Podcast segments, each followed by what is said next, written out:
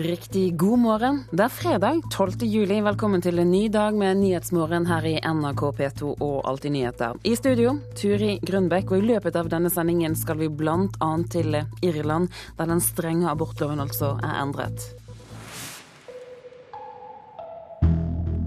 Først skal det handle om at Norge slutter å sende en rekke asylsøkerbarn ut av landet. Det viser et brev fra Utlendingsnemnda. Til nå har Norge sendt tilbake enslige mindreårige dersom de har søkt om asyl i et annet europeisk land først. Redd Barna jubler over endringen, men jubelen kan bli kortvarig. Det er et veldig viktig skritt i rett retning for de ungene det gjelder. Det vil føre til at unger som eh, trenger det, får en skikkelig god og grundig behandling av saken sin i Norge. Det er vi veldig glad for, og det er helt rett av Norge å gjøre det. Janne Olise Rånes i Redd Barna sitter på kafé med et bredt smil om munnen, for det her har hun kjempa lenge for. De kom uten foreldre. Et sted i Europa la de fra seg et fingeravtrykk eller en asylsøknad, før de dro videre til Norge og ba om å få bli her. Tidligere har de blitt sendt tilbake til landet de først kom til, men nå får de behandla asylsøknaden de leverte i Norge, i Norge. Det er unger som har eh, flykta i mange måneder før de har kommet til Europa. Noen av dem i flere år. Har vært på reiser der de har opplevd eh, grove rettighetsbrudd og store krenkelser. Nå er det jo UNE som har snudd, eh, og det er interessant og det er viktig.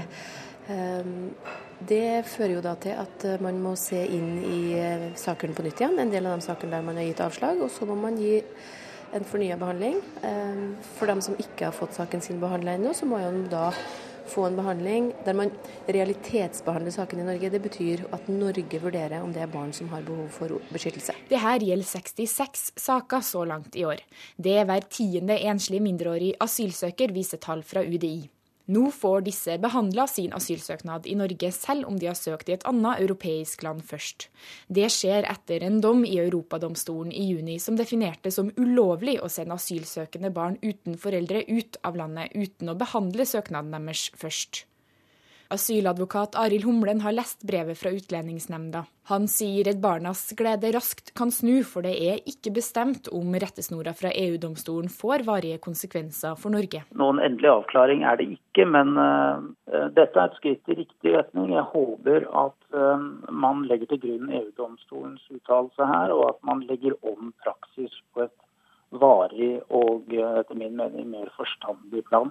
Og da må politikerne begynne å ta ansvar, sier Humlen. Ja, jeg er jo også av den oppfatning at lovgivere, altså Stortinget, eh, framviser en usedvanlig tafatthet i forhold til det å ta tak i eh, rettighetssituasjonen for barn, og har jo savnet et, et tydeligere storting i form av etablering av bedre retningslinjer av barns rettigheter innenfor utlendingsloven.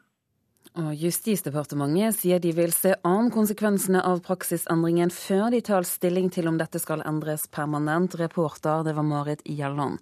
Forsker ved Universitetet i Oslo, Jan Paul Brekke, du har forsket bl.a. på ulike returordninger. Hva er konsekvensene av at Norge stopper retur av enslige mindreårige asylsøkere til første land? Som vi har hørt, så kan vi ha konsekvensene for uh de asylsøkerne selv, disse enslige mindreårige, være positiv. Ehm, tanken er jo at de skal få avgjort sakene sine så raskt som mulig uten å bli sendt fra land til land eh, i Europa. Eh, så kan man spørre seg om vedtaket kommer til å føre til at det kommer flere enslige mindreårige til Norge. Og Generelt så er det jo lite kunnskap om hva som påvirker hvor mange som kommer til Norge fra denne gruppen. Men Antagelig vil ikke dette vedtaket gi store utslag i ankomster, eh, etter hva jeg kan forstå. Eh, grunnen til det er eh, at Norge ikke er alene om dette tiltaket. Som vi hørte, så er altså Norge på linje her med de andre europeiske landene, de andre Dublin-samarbeidslandene. Og det gjør at det blir innført omtrent samtidig i alle landene, noe som kan påvirke i den retning at det ikke blir eh, noen særlige endringer i ankomstbildet. Bakgrunnen her handler men jeg vil bare si at Bakgrunnen her handler om en dom i, i EU-domstolen. Hvorfor følger Norge en EU-dom når vi ikke er medlem? Jeg tror det er to grunner til det. Det ene er at uh, Norge vil være på linje med EU-landene i asylpolitikken. Sånn har det vært de siste årene, og det er en uttalt uh, målsetting for norske myndigheter. Og for det andre så er jo denne dommen gjelder Dublin-samarbeidet. Det gjelder der Norge eh, er fullverdig deltaker. Så det er litt spesielt at dommen er så tydelig på at den gjelder akkurat eh, dette samarbeidet og denne utvekslingen av eh, asylsøkere mellom landene. Så normalt så er vi ikke bundet av denne EU-domstolen i Luxembourg. Men i dette tilfellet så vil både ønsker og nesten må Norge følge den nye normen. Denne returstoppen er på ubestemt tid. Hva skal til for at den blir permanent? Ja, altså Dette Dublin-samarbeidet er på en måte ja, det er en kjerne i EUs og Europas samarbeid på asyl- og, og innvandringsfeltet. Så den er, den er, man villig til å forsvare veldig sterkt i de europeiske landene og i EU sentralt. Ehm, så det, man vil ønske færrest mulig unntak fra regelen om at folk skal, behandle, skal få behandlet sakene sine eh, i det første landet de kommer til. Sånn at jeg tror man vil opprettholde og, og forsøke å komme tilbake igjen til normen, som er at folk skal sendes og få behandlet saken sin i første land. Når det er sagt, så er det også en sånn trend i EU som har vært de siste årene, særlig drevet frem av disse eh, EU-domstolene, både menneskerettighetsdomstolen og denne EU-domstolen, som, som, går i retning av å sikre rettighetene til utsatte grupper. Og enslige mindreårige regnes blant disse utsatte gruppene. Så det taler for at denne, dette unntaket da kan, eh, kan få et, et preg av permanens etter hvert. Jan Paul Brekke, takk for at du var med oss her i Nyhetsmorgen. Det er en sterk økning i bedrifter som går konkurs i Norge, men DNB-sjef Rune Bjerke mener man ikke skal høre for mye på dem som tror at en ny krise kan være på vei, til tross for de dystre meldingene fra konkursregisteret. Den viser jo at det er en økning eh, siste måned. Og for første halvår kan underdirektør Carl Erik Rørmark i konkursregisteret fortelle at over 20% flere bedrifter måtte stenge dørene enn på samme tid i fjor. Men slikt biter ikke på en optimistisk DNB-sjef Rune Bjerke. Jeg tror ikke man skal bekymre seg og eh, bygge opp under de som er bekymret. For det aller meste i norsk økonomi er veldig solid. Vi har eh, en kjempehøy investeringsaktivitet i olje- og gassektoren, som også fortsetter å smitte over på Fastlands-Norge. Det biter heller ikke at europeisk økonomi ser ut til å bruke enda lengre tid på å komme ut av nedturen. En og annen bedrift må jo gå konk. Kanskje bare en fordel at noen bedrifter blir bytta ut, eh, jf. konkurstallene? Altså, det er jo aldri eh, heldig og ønskelig med konkurser, men det å ha litt, eh, eh, det å ha litt dynamikk i Bedrifts-Norge, det, det, er ikke noe galt. Men Rune Bjerke merker at flere av kundene er blitt mer knipende. Vi merker at det er mer forsiktighet ute og går, og i så måte så sparer både bedrifter og husholdninger i dag mer enn det de gjorde på samme tidspunkt for ett-to år siden. Reportere her var Trond Lydersen og Hedvig Bjørgum. For første gang kommer utenlandske cruisepassasjerer til å besøke norske havner året rundt. Til nå har cruiseskipene besøkt Norge om sommeren, men nå kommer cruisepassasjerene til Norge nesten hele vinteren. Årsaken er at rederiene lokker med nordlys.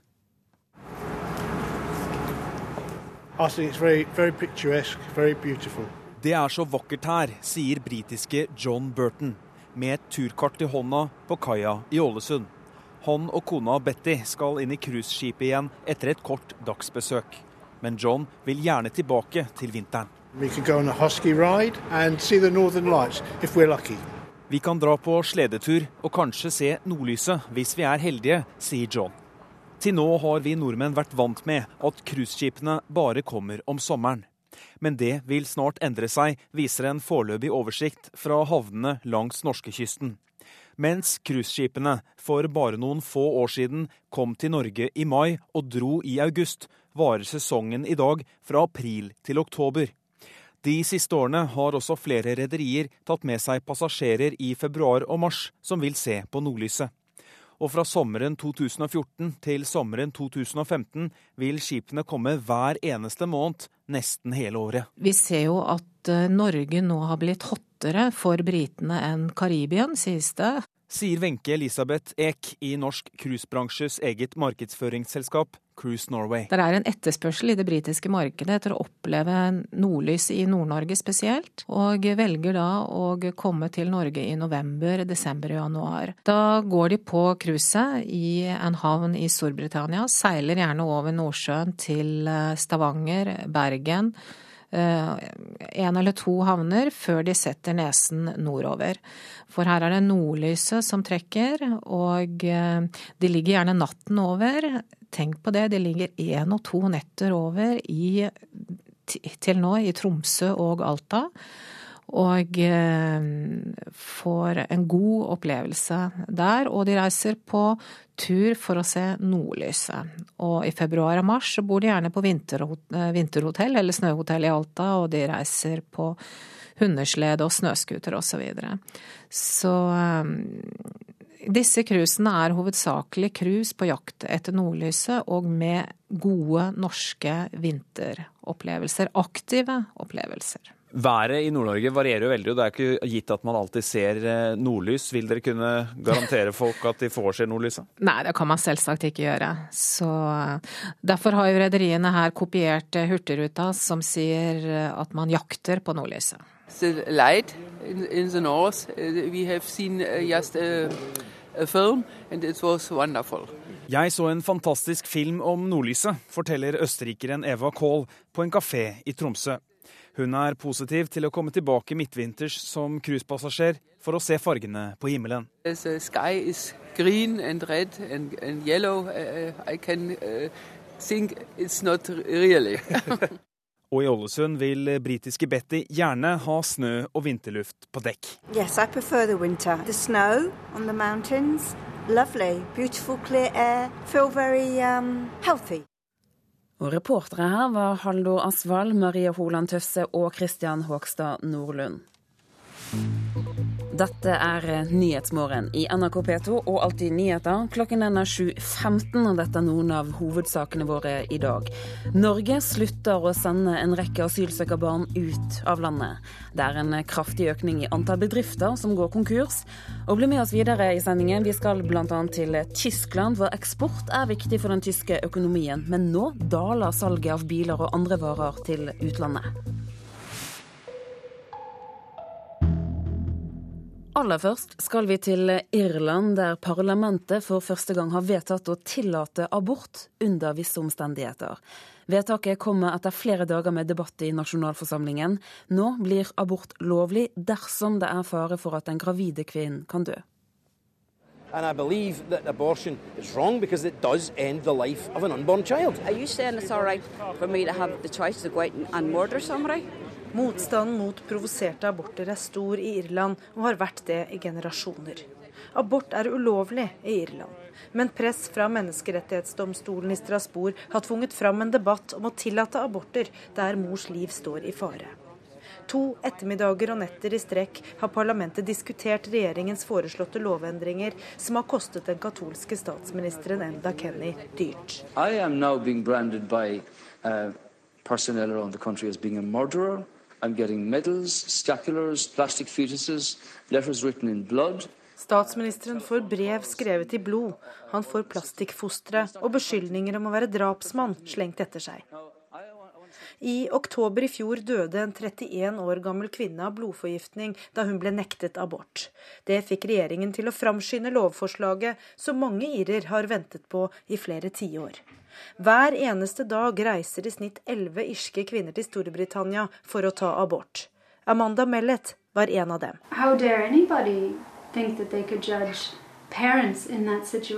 You know, I mean, we we did struggle with the decision of what will we do. I mean, you don't. What those are your options. Do I do I continue with the pregnancy and wait for my baby to die inside me at any given moment? It could happen at any second of any day. I'm just waiting for my baby to die, or I deliver my baby and my baby dies in front of me. Or we terminate the pregnancy. What kind of options are those? I mean, I don't, you know. Hvordan våger noen dømme foreldre i en slik situasjon, spør hun. Selv opplevde hun at fosteret hun bar på ville dø, enten i løpet av svangerskapet eller rett etterpå. Hun og mannen mente det var det beste for barnet å avslutte svangerskapet. Men de måtte, som mange irer i samme situasjon, spare penger, ta seg fri og reise til England for å få tatt abort. Og måtte tåle å bli møtt med svært negative holdninger. Honest, of the power of the church over the government in Ireland. And there's certain areas that are yet to, to change and evolve with the times. Kirkens historiske makt over politikerne har vært stor i Irland, mener altså Amanda Mellet, som mener Irland fortsatt har en vei å gå for å utvikle seg i tråd med moderne tider. Denne saken er laget av vår korrespondent Gry Blekastad Almås. Utenriksmedarbeider Øyvind Nyborg, denne loven den ble vedtatt med stort flertall. Hva betyr det? Det betyr at uh, gravide kvinner nå har rett til abort uh, dersom svangerskapet setter livene deres i fare. Uh, men at den vurderingen den skal gjøres av leger. Og at retten til abort den skal også gjelde dersom det er fare for at kvinnen skal ta sitt eget liv, altså selvmord. Men det er også verdt å legge merke til at uh, den eh, vil ikke gjelde retten til abort dersom eh, man har vært utsatt for voldtekt eller incest. Det gir ikke automatisk rett til abort fortsatt i Irland. Det vi hørte her at debatten har vært stor, men hva er bakgrunnen for at loven kommer nå? Eh, bakgrunnen eh, er eh, egentlig lang i dette katolske landet. Det startet med en sak som kalles bare for X-saken fra 1992. Det gjaldt en 14 år gammel jente som ble voldtatt av naboen sin. Hun ble først ikke nektet å reise til Storbritannia for å ta abort. Siden har du hatt saker som Gry nevner i sin reportasje. Debatten har vært veldig hard. Den katolske kirken de har jo til og med truet eh, med ekskommunikasjon eh, fra de som eh, skal stemme for loven. Og, og statsminister Enda Kenny han har fått dukke som skal, da skal se ut som fostre, med beskjeder skrevet i, i, i, blod. Og dette har kostet han og hans parti langt mer enn de enorme økonomiske problemene Irland har vært oppe i de siste Eh, årene. Så dette, dette har vært eh, tungt for Irland. Øyvind Nyborg, takk skal du ha. Vi skal til Tyskland, som har klart seg bra gjennom den økonomiske krisen i Europa, men nå kommer det tegn på slitasje også der. Tysklands eksport av biler og andre varer er nå i ferd med å gå nedover. Det er eksporten som har vært en av de viktigste pilarene i tysk økonomi, og med, med det den europeiske økonomien.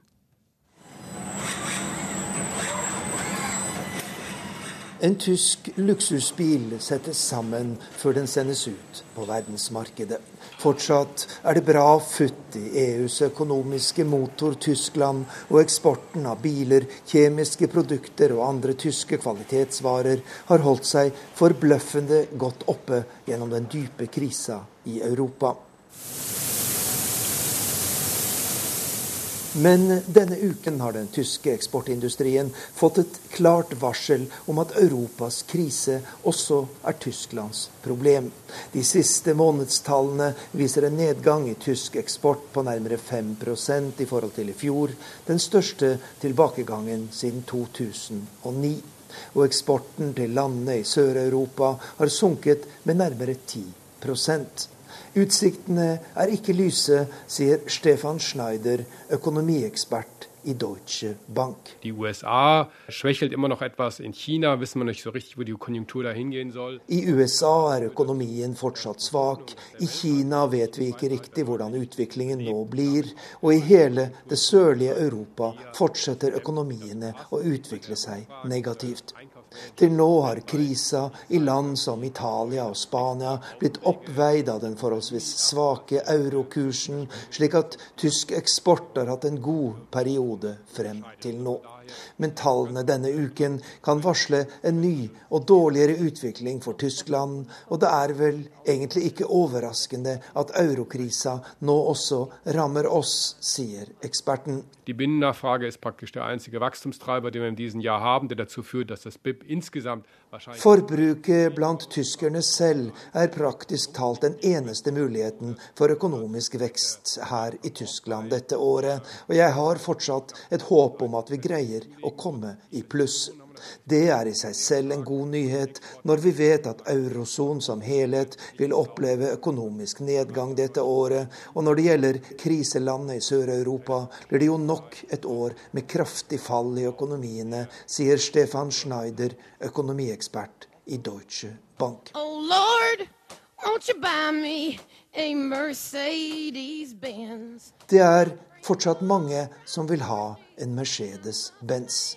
Men denne uken har den tyske eksportindustrien fått et kraftig varsel om at de gode tidene kan gå mot slutten. Reporter her var Arnt Stefansen. En egyptisk politimann er drept og en annen hardt skadet etter at det er skutt flere raketter mot en kontrollpost ved grensen til Israel. De siste årene har islamister angrepet politi på Sinai flere ganger. Angrepene har kommet oftere etter at Mohammed Morsi ble avsatt som president. Og det er ventet store demonstrasjoner i Egypt i dag, både for og mot Morsi. Etter at Norge kun spilte uavgjort mot Island i EM-åpningskampen i går, så venter det nå tøffere motstand for landslagsjentene. Og de er bitre etter å ha vært nære en pangstart på EM. Hadde vi bare hatt litt marginer, så hadde vi vunnet, men det, det var det ikke. Sier gårsdagens norske målskårer Kristine Vigdal Hegeland. For Norge fikk på ingen måte den pangstarten de trengte mot Island. Vidar slått imot ballen og skyter i mål! Der er det en! Det var det som ikke måtte skje, som skjedde. Island har utlignet. To sterke gruppemotstandere står nå igjen for Norge, Nederland og Tyskland. Med tap mot begge står landslagsjentene i fare for å ryke ut av EM før utslagsrundene. Steng ute skrekkscenarioene og se videre sjøl om møtet med Island var en nedtur, mener NRKs fotballekspert Tom Nordli. De må bare glemme det her. Også, de viser jo glimtvis at de har kvaliteter i laget, både kollektivt, men ikke minst eh, en blanding av rutinerte og unge, spennende spillere som eh, Graham Hansen og, og Hegerberg osv. Så, videre. så jeg syns det er en fin miks og en bedre framtid for norsk eh, kvinnefotball enn det har vært på lenge, syns jeg. Målskårer Hegeland innser nå at den store trepoengsjansen for Norge i gruppespillet ble spolert i går, og at sjansene for avansement nå er det, det, er jo litt mindre sannsynlig fordi vi ikke har tatt tre poeng, men eh, jeg tror ikke at vi skal smartnåle det helt, så jeg tror vi kan gå videre. Reporteren var Hans Henrik Løken. Tiden er inne for å se nærmere på dagens avisforsider. 70 barn har fått narkolepsi etter at myndighetene anbefalte svineinfluensavaksinen for fire år siden. Til nå har myndighetene betalt 62 millioner kroner i erstatning. Det er hovedsaken i Aftenposten. Dagbladet byr bl.a. på et portrettintervju med NRKs egen Torkjell Bærulfsen. Dagsavisen skriver om ekteskap. Avisen har møtt lykkeforskere som gifter seg i dag, og som kan fortelle at ekteskapet gir større lykkefølelse og lengre levetid. Så blir det ni dager finvær i sør og øst. Det skriver VG med store bokstaver på sin forside. Store aktører presser på for genmodifisert hvete i USA, bl.a. storbønder og matindustrien. Det skriver Nasjonen i dag. Søppel-Norge er overskriften i Vårt Land. Avisen skriver om alt avfallet som vi nordmenn produserer. I går gikk en norsk båt ned utenfor kysten av Sverige. Sent i går kveld kom ungdommene som var om bord tilbake til Norge og Stavanger. På flyplassen var også Aftenbladet og tok bilder av hjemkomsten. Denne uken har politiet i Bergen aksjonert mot et hus på Paradis med mistanker om menneskehandel. BA har snakket med rumenerne som bor der, som mener påstandene er løgn. Og et av de største oversettelsesprosjektene i vestlig litteratur nærmer seg endelig slutten. Islendingesagaene skal snart utgis på norsk for første gang. Det skriver Klassekampen. Mange aviser har allerede stengt deler av nettsidene sine og opplever økt opplag og større annonseinntekter. Flere følger etter i løpet av høsten. Avisa Valdres velger den mest radikale løsningen og stenger alt innhold for de som ikke vil betale. 16.10 så stenger vi eh, nettsiden vår for eh, dem som ikke er abonnenter av avisa Valdres. Det er en radikal beslutning Ivar Brynhildsen har tatt. Han er redaktør i avisa Valdres og sier det ikke gir mening å gi bort innhold. Abonnentene vil få et bedre og mer attraktivt tilbud enn i dag. Så vi tror at våre eksisterende lesere de kommer til å bli mye mer fornøyd. Avisa Valdres blir den andre avisen her i landet som stenger alt innhold på nett for gratispassasjerene. Sandefjords Blad var først ute. Ansvarlig redaktør Jan Roaldseth forteller om gode erfaringer. Folk flest forstår at uh, journalistikk eh, koster penger, og de aksepterer at, uh, at, det er rimelig å ta betalt. Det er bare litt uvant. Med betalingsmur har annonseinntektene økt med 15% At papiravisen gir gratis nettilgang har ført til flere abonnenter, og opplagsfallet er snudd. De fleste avisene her i landet har valgt en delt løsning der enkelte artikler er gratis, mens andre må du betale for å lese. VG er blant dem som går for den såkalte plussløsningen. Her er da nyhetsseksjonen, ikke sant. Så kan du ble her nede. Så får du nyhetene. Så er det økonomi. VG-redaktør Torry Pedersen viser frem VG pluss på nettbrettet. Så langt betaler nesten 25 000 for å lese ekstramateriale men fortsatt skal mye innhold være fritt tilgjengelig. Helt ytterst så er det gratis for alle. Og så kan du logge deg inn. Eh, da får du noen bedre tjenester. Og hvis du er innlogget, så vet vi hvem du er, og da har du potensielt større verdi for annonsøren. Og helt innerst så kan du betale, for der eh, ligger eh, da indrefileten som du kan grille nå i sommervarmen. Heller ikke Aftenposten vil lukke alt stoffet, men fra høsten av blir det betaling trolig det som kalles metermodellen, at du betaler etter hvor mye du leser. Bergens Tidende vil også begynne å ta betalt før jul, men har ikke bestemt seg for hvordan. Sandefjords Blad er så fornøyd med sin løsning at redaktøren stadig drar på misjonsreiser. Jeg får jo mange invitasjoner og har også deltatt på diverse konferanser osv. Det kommer jeg til å fortsette med, fordi jeg tror at dette her er bra for lokalaviser av vår type.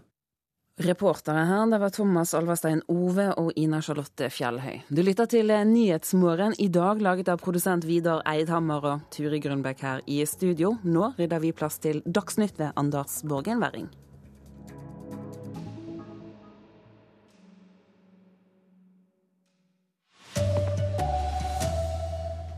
Norge slutter å sende enslige asylbarn tilbake til andre europeiske land.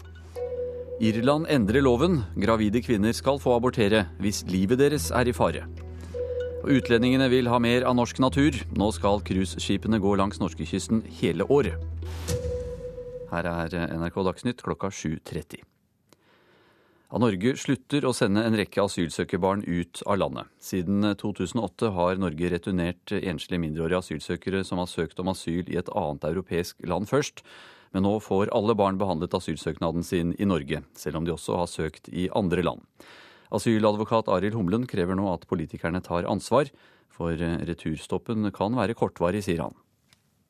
Noen endelig avklaring er det ikke, men eh, de som nå er i Norge og har søknader eh, til vurdering her i Norge, de vil få en fullstendig vurdering av asylsøknaden her. Barna kommer til Norge uten foreldre og søker om å få bli. De har reist gjennom Europa og har søkt asyl eller blitt registrert i ett eller flere av landene de har reist gjennom. Siden 2008 har Norge returnert disse asylsøkerne til det første europeiske landet de er registrert i. Men etter Europadomstolen i juni definerte her som ulovlig, har Norge slutta å sende barna tilbake til det første landet de kom til. I hvert fall midlertidig. Janne Rånes i Redd Barna har kjempa for returstopp de siste fem årene, og hun jubler. Det er et veldig viktig skritt i rett retning for de ungene det gjelder. Det vil føre til at unger som eh, trenger det, får en skikkelig god og grundig behandling av saken sin i Norge. Det er vi veldig glad for, og det er helt rett av Norge å gjøre det. Hver tiende enslig mindreårige asylsøker er også registrert i andre europeiske land, viser tall fra UDI. Så langt i år er det 66 personer som har muligheten til å få bli. Humlen mener nå at politikerne må ta ansvar for at returstoppen blir permanent. Jeg er jo også av den oppfatning at Stortinget eh, framviser en usedvanlig tafatthet i forhold til det å ta tak i eh, rettighetssituasjonen for barn, og har jo savnet et, et tydeligere storting i form av etablering av bedre retningslinjer av barns rettigheter innenfor utlendingsloven. Justisdepartementet sier de vil se an konsekvensene av eh, praksisendringen, og det blir mer om denne saken i Politisk kvarter på P2 og i Alltid nyheter. Reporter Marit eh, Gjelland. Så til Irland. Der skal det nå bli lov å ta abort dersom det er fare for mors liv. Vedtaket kommer etter flere måneder med opphetet debatt i det strengt katolske landet. Demonstranter utenfor det irske parlamentet i Dublin holder fram plakater der bl.a. står 'Abort dreper en, sårer en annen' og 'Redd Irland fra abort'. Men her er det også tilhengere av den nye loven. Hvem vil be en 14 år gammel jente om å bære fram barnet til en voldtektsmann, sier en. Uh, tall 127, Neil 31. The bill is.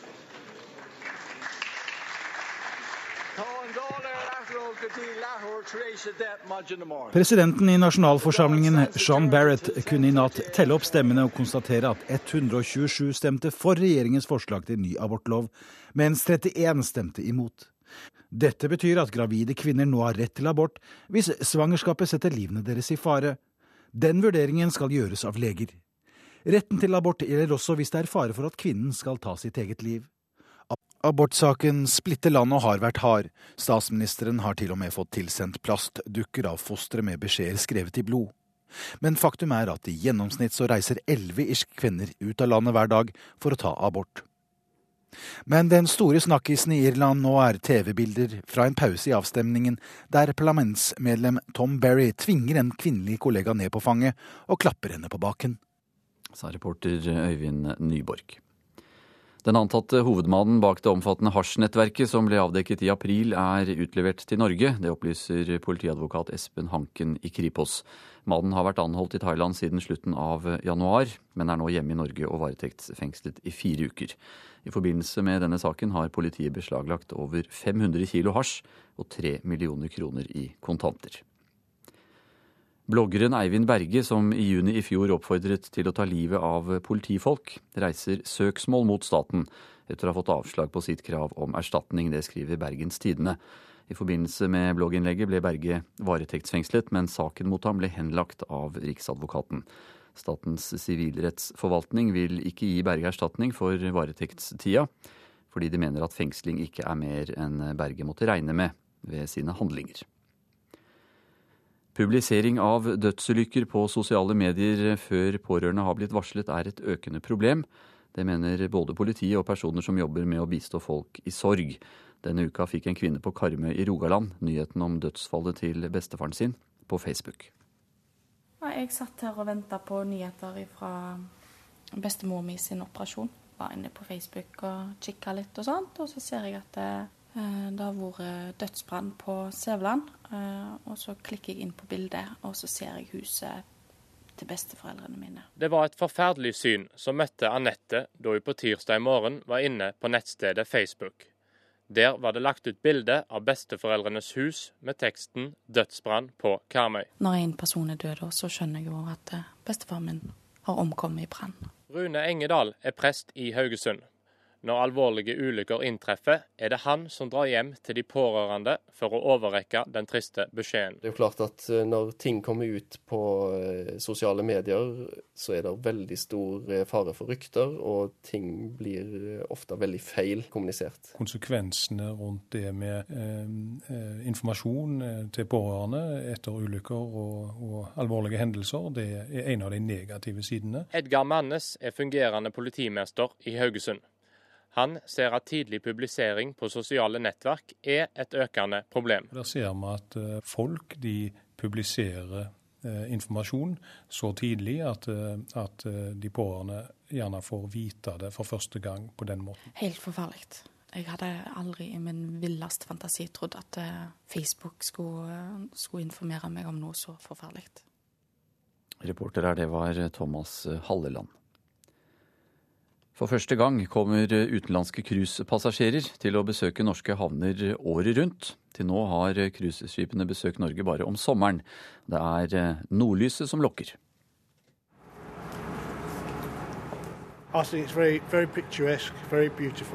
Det er så vakkert her, sier britiske John Burton, med et turkart i hånda på kaia i Ålesund.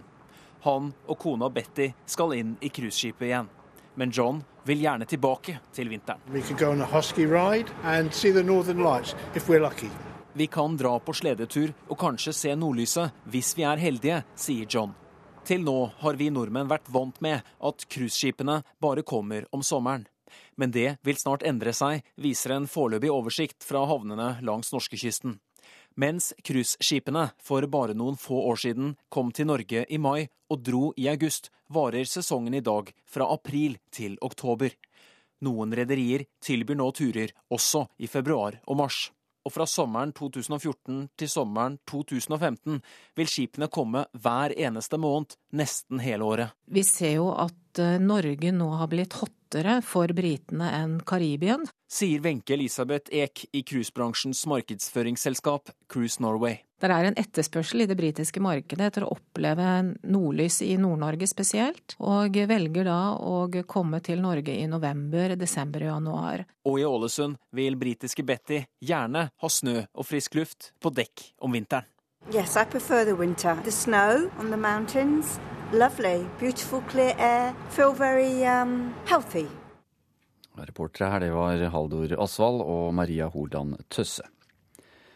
Team Sky-trener Kurt Asle Arvesen er urolig for lagets seierssjanser i Tour de France etter at Edvald Boasson Hagen måtte bryte sykkelrittet i går. Arvesen mener vinnersjansene til sammenlagtleder Chris Froome er blitt betraktelig mindre. Chris Froome han, eh, han, kan få trøbbel med å forsvare det her uten et godt lag rundt seg. Kurt Asle Arvesen og resten av Team Sky fikk et kraftig skudd for baugen i går. Sammenlagtleder Chris Froomes viktige hjelperytter Edvald Boasson Hagen brakk skuldra, og dermed har laget mista to syklister. I tillegg sliter rutinerte Geraint Thomas med skade. Situasjonen er dyster, og Arvesen tror nå at disse lagene vil ruste opp til storkamp om den gule trøya. Ja, det er jo lag som, eh, som Belkin Saxo Tinkoff Bank og, og Movistar. Movistar spesielt, med Quintana og, og Valverde. Froome leder Tour de France med 3 minutter og 25 sekunder på Alejandro Valverde og 3 minutter og 37 sekunder på Bauke Mollema før kampen hardner til i de franske fjellene.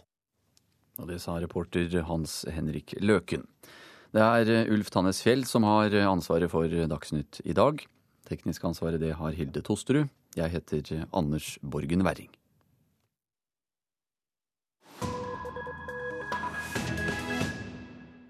Og du lytter til Nyhetsmorgen i NRK P2 og Alltid nyheter. De neste minuttene skal det handle om Russland, og det skal handle om korrupsjon. Finansministeren i Moskva-fylket er arrestert i Frankrike fordi Russland ettersøkte ham gjennom Interpol for en korrupsjonssvindel av 700 millioner kroner. Сегодня из Франции пришла новость о задержании одного из самых известных россиян, находившихся в международном розыске, бывшего вице-премьера и министра финансов правительства Московской области Алексея Кузнецова. В розыск по линии Интерпол... Her annonserte NTVs programleder Aleksej Pivovarov denne uken at en av de mest internasjonalt ettersøkte russerne, Aleksej Kuznetsov, nå er arrestert i Frankrike. Den brave tidligere finansminister for det svære Moskva-fylket, som er regionen rundt Moskva, ble arrestert sist helg i Toulon i Frankrike. Ifølge den russiske statskringkastingen Razia ble den Interpol-ettersøkte ekspolitikeren tatt med flere falske pass på seg. Aleksej Kuznetsov har vært på flukt fra Russland i vest i fem år. Nå sitter han i en spesiell varetekt for folk som skal deporteres fra Frankrike, og hjemme i Russland venter lovens lange arm for å stille den utro tjener til regnskap for underslag av 3,5 milliarder rubler, eller 700 millioner kroner, som den flyktede finansminister i lokalregjeringen for Moskva fylke tilegnet seg gjennom korrupsjon. Det mener i hvert fall Russlands etterforskningskomité, som i dag er den russiske parallellen til FBI i USA når det gjelder vanlig kriminalitet. Før arrestasjonen sa Aleksej Kuznetsov dette om hvem som visste om finansoperasjonene han nå er siktet for. Alle stedfortrederne og alle ministrene i regionregjeringen visste om disse kredittene, og de tiltrådte alle intensjonsavtalene, sa den falne byråkrat i Frankrike like før han ble arrestert denne uken. Sjefen for Moskvas bank, Andrej Baradin, stakk av fra Russland for tre år siden. Da ble det avslørt at han ga en kreditt på 30 milliarder rubler til boligspekulasjon mot en sikkerhet på bare 10 000 rubler. Og hvem ga han dette til? Jo, til Moskvas eiendomsdronning Jelena Baturina, gift med Moskvas forrige borgermester, som hadde sittet i 19 år, Jurij Lusjkov. Lusjkov ble avsatt, begge to flyttet til Vesten, men de ble aldri tiltalt. Derimot flyktet deres banksjef til vest og fikk politisk asyl i Storbritannia. At britene ga politisk asyl til en ettersøkt for økonomiske forbrytelser, har vakt politisk bitterhet i Kreml. Nylig sa president Vladimir Putin dette om økonomiske forbrytelser og korrupsjon i offentlig sektor her i Russland. Надо активнее выявлять преступные сети, которые пытаются паразитировать на растущих экономических связях нашей страны Актуальными задачами МВД остаются декриминализация экономики и противодействие коррупции. Vi må mer aktivt avsløre de kriminelle nettverkene som lever som parasitter på de voksne økonomiske forbindelsene i vårt land. Metoden må være å avkriminalisere økonomien vår og motvirke korrupsjonen, sa president Vladimir Putin her. Denne uken ble det kjent at Russlands etterforskningskomité også har åpnet strafferettslig etterforskning mot en kvinnelig føderaldommer for korrupsjon. Bare i Nedre Tagil i Uralfjellene soner 1500 tidligere dommere, statsadvokater og politioffiserer lange fengselsstraffer i en spesiale for utro lovens voktere. 70 sitter inne for korrupsjon. Snart får disse følge av tidligere finansminister Aleksej Kuznetsov fra Moskva-regionen når Frankrike deporterer ham tilbake til Russland. Hans-Wilhelm Steinfeld, Moskva. Og Du lytter til Nyhetsmorgen. Klokken den er 7.44. Dette er noen av de viktigste nyhetssakene denne morgenen. Irland endrer loven. Gravide kvinner skal få ta abort dersom livet deres er i fare. Det er en kraftig økning i bedrifter som går konkurs i Norge. Og utlendingene de vil ha mer norsk natur. Nå skal cruiseskipene gå langs norskekysten hele året. Men eh, det er tid for eh, Politisk kvarter, og som vi har hørt så slutter Norge med å sende asylsøkerbarn tilbake til andre europeiske land, Håvard Grønli? Ja, iallfall sånn inntil videre. Og i Politisk kvarter spør vi om eh, vi bør gjøre det slik permanent.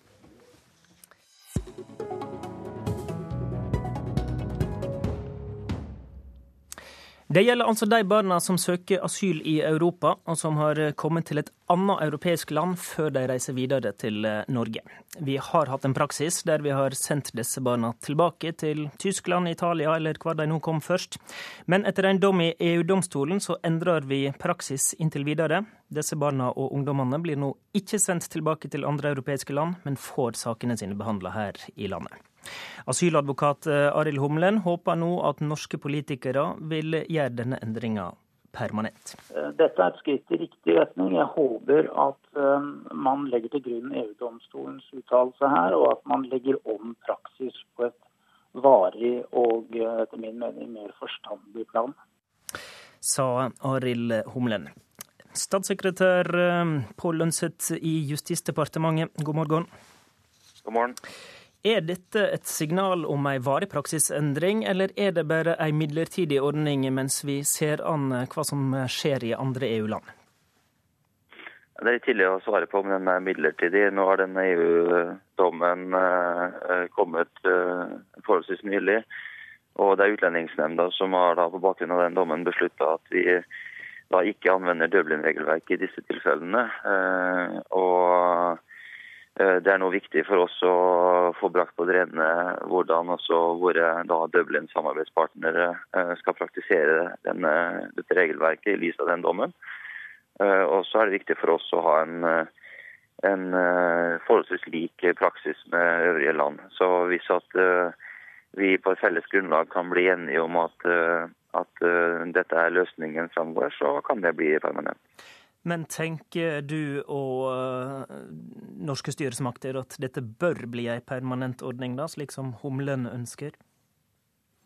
Eh, både ja og nei. Eh, det er én ting jeg er veldig bekymra for, og det er hvis vi nå får en, en utvikling hvor, hvor Dublin-ordningen som sådan undergraves, og at flere land må behandle asylsøknad fra samme individ.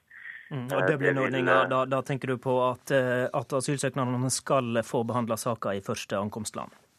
Ja, det er regelen eh, når man snakker om Dublin-ordninger. Altså Første land man kommer til og søker asyl i, det er altså det landet som skal behandle asylsøknaden.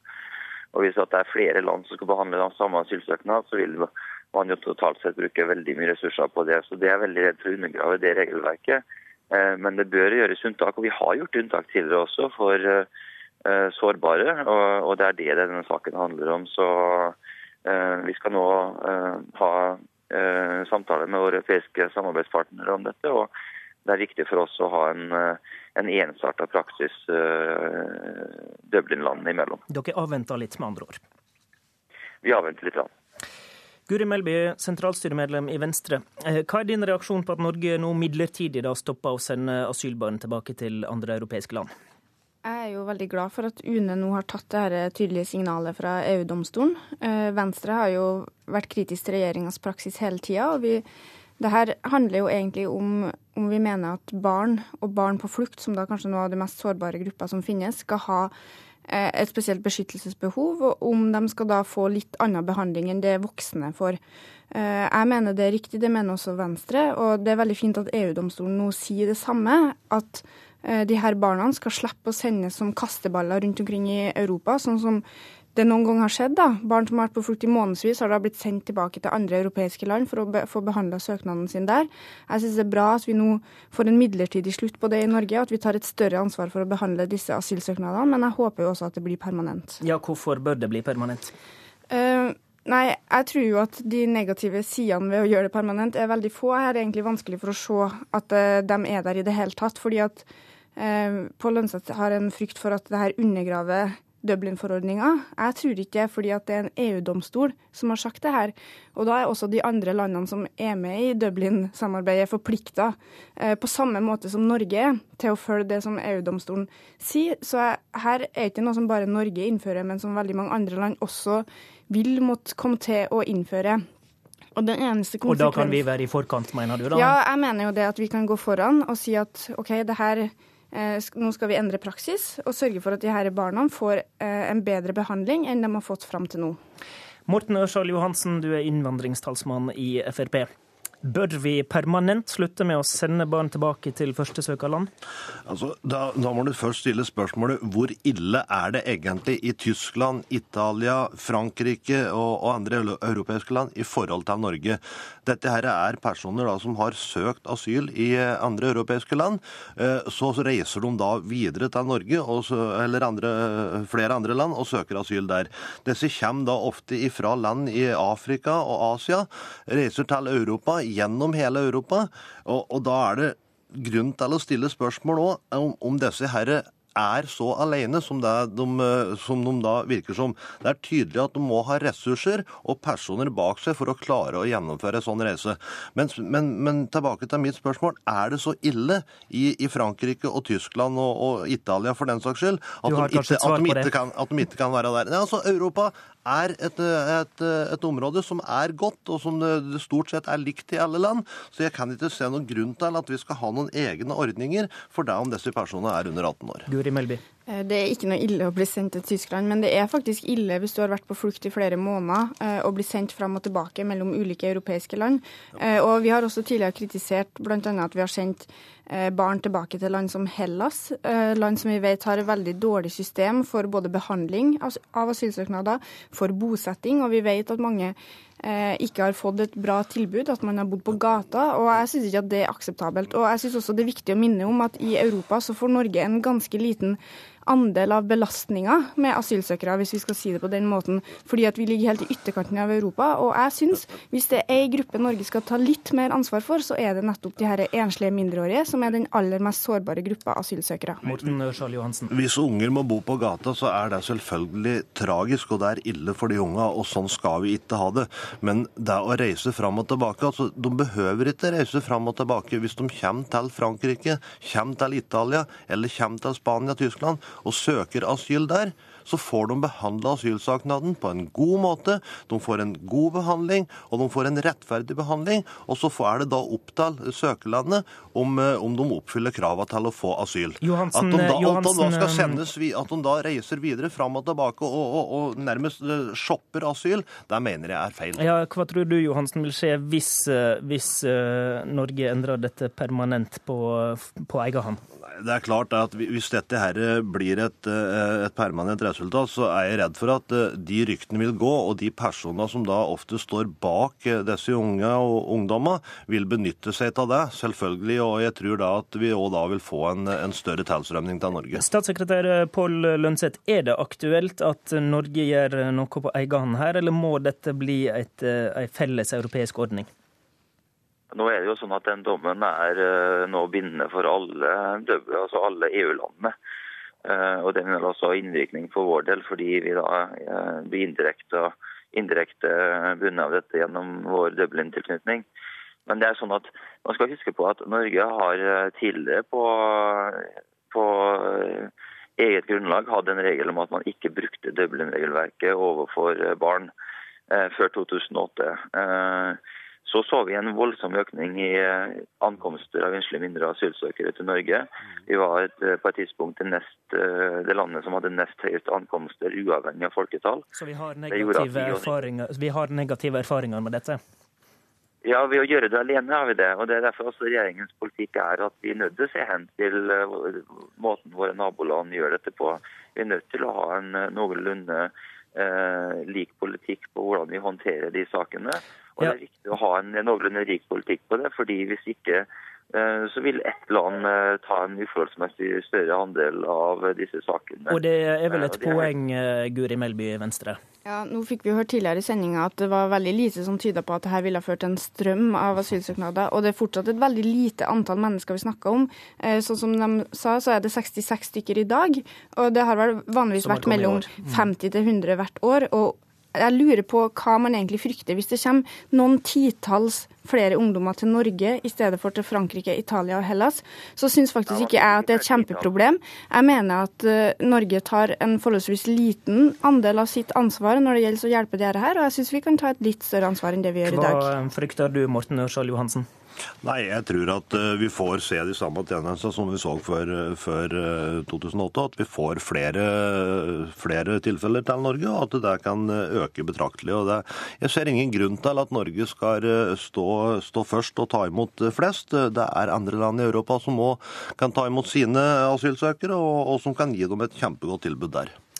Takk til Morten Ørsal Johansen, innvandringspolitisk talsmann i Frp, Guri Melby i Venstre og statssekretær Pål Lønseth i Justisdepartementet.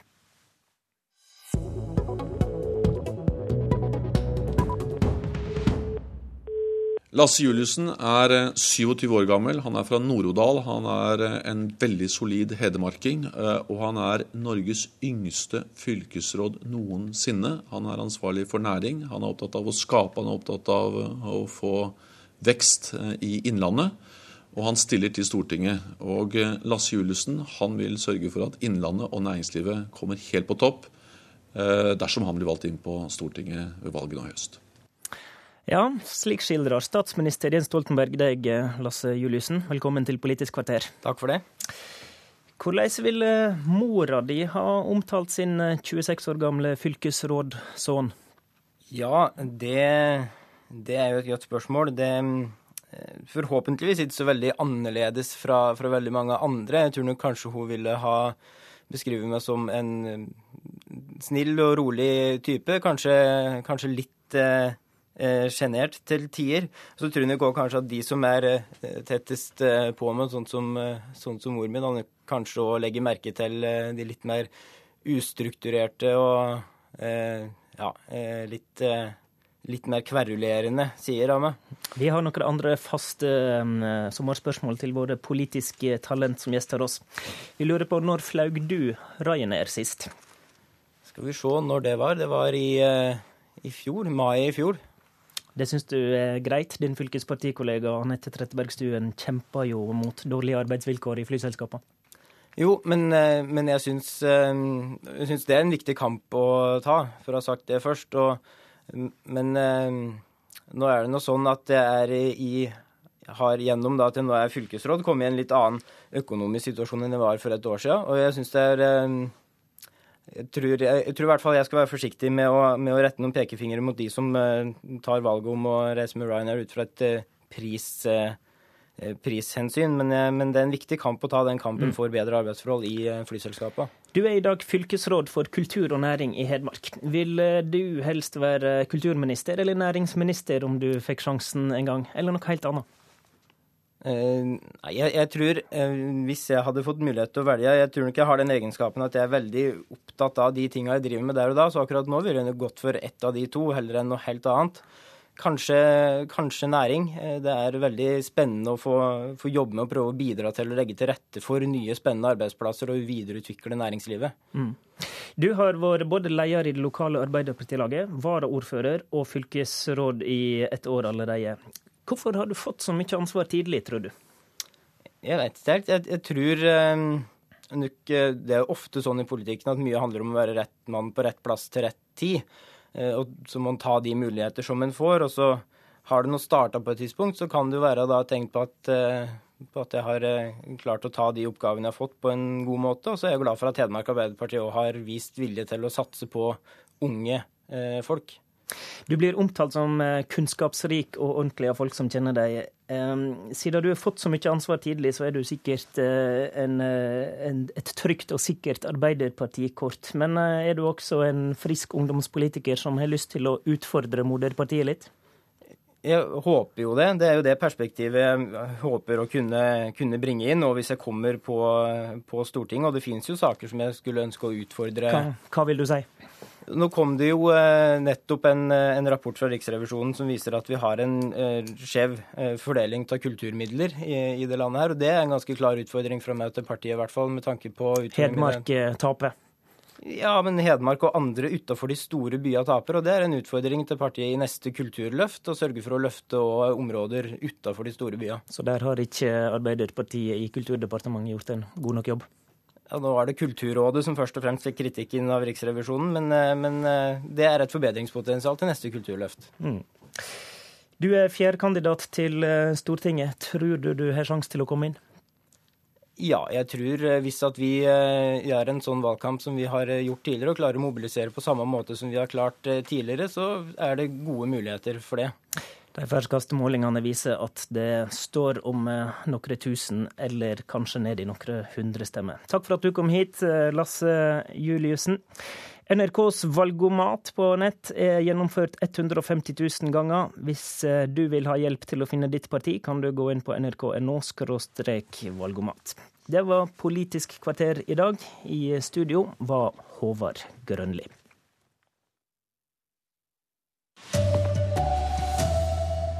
Enslige asylbarn skal ikke sendes tilbake til andre europeiske land. Norge må følge EU-lover på dette området, ifølge Justisdepartementet.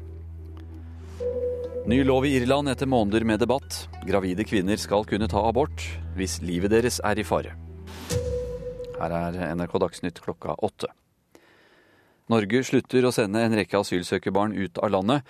Siden 2008 har Norge returnert enslige mindreårige asylsøkere som har søkt om asyl i et annet europeisk land først.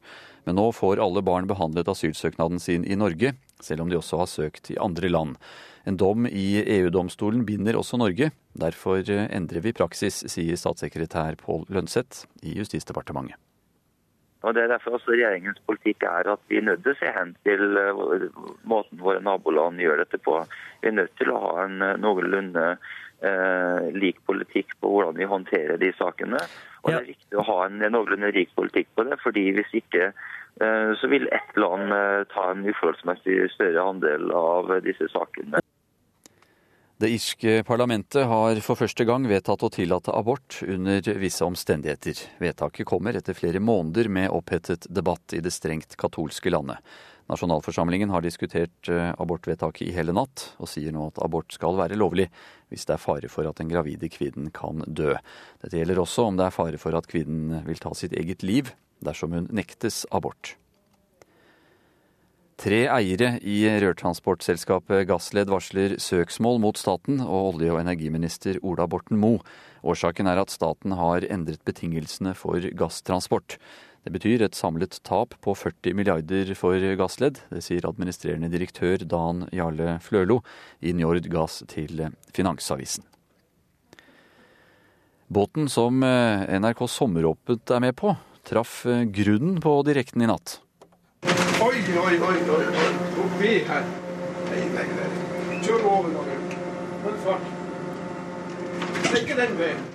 Båten eh, går opp og ned langs kysten og sender eh, sommeråpent på NRK1 fra et nytt sted hver dag. Da båten var på vei fra Brønnøysund til Træna i natt, så begynte det plutselig å riste kraftig da MS Sjøkurs var eh, borti et skjær. Frank Valsø er kaptein på båten. Så Vi gikk videre, vi kunne ikke stoppe her, for vi måtte bare gå videre ut og tok en undersøkelse innvendig på båten. Og fant ingen lekkasjer, verken på skutsida eller skade på propell eller ror.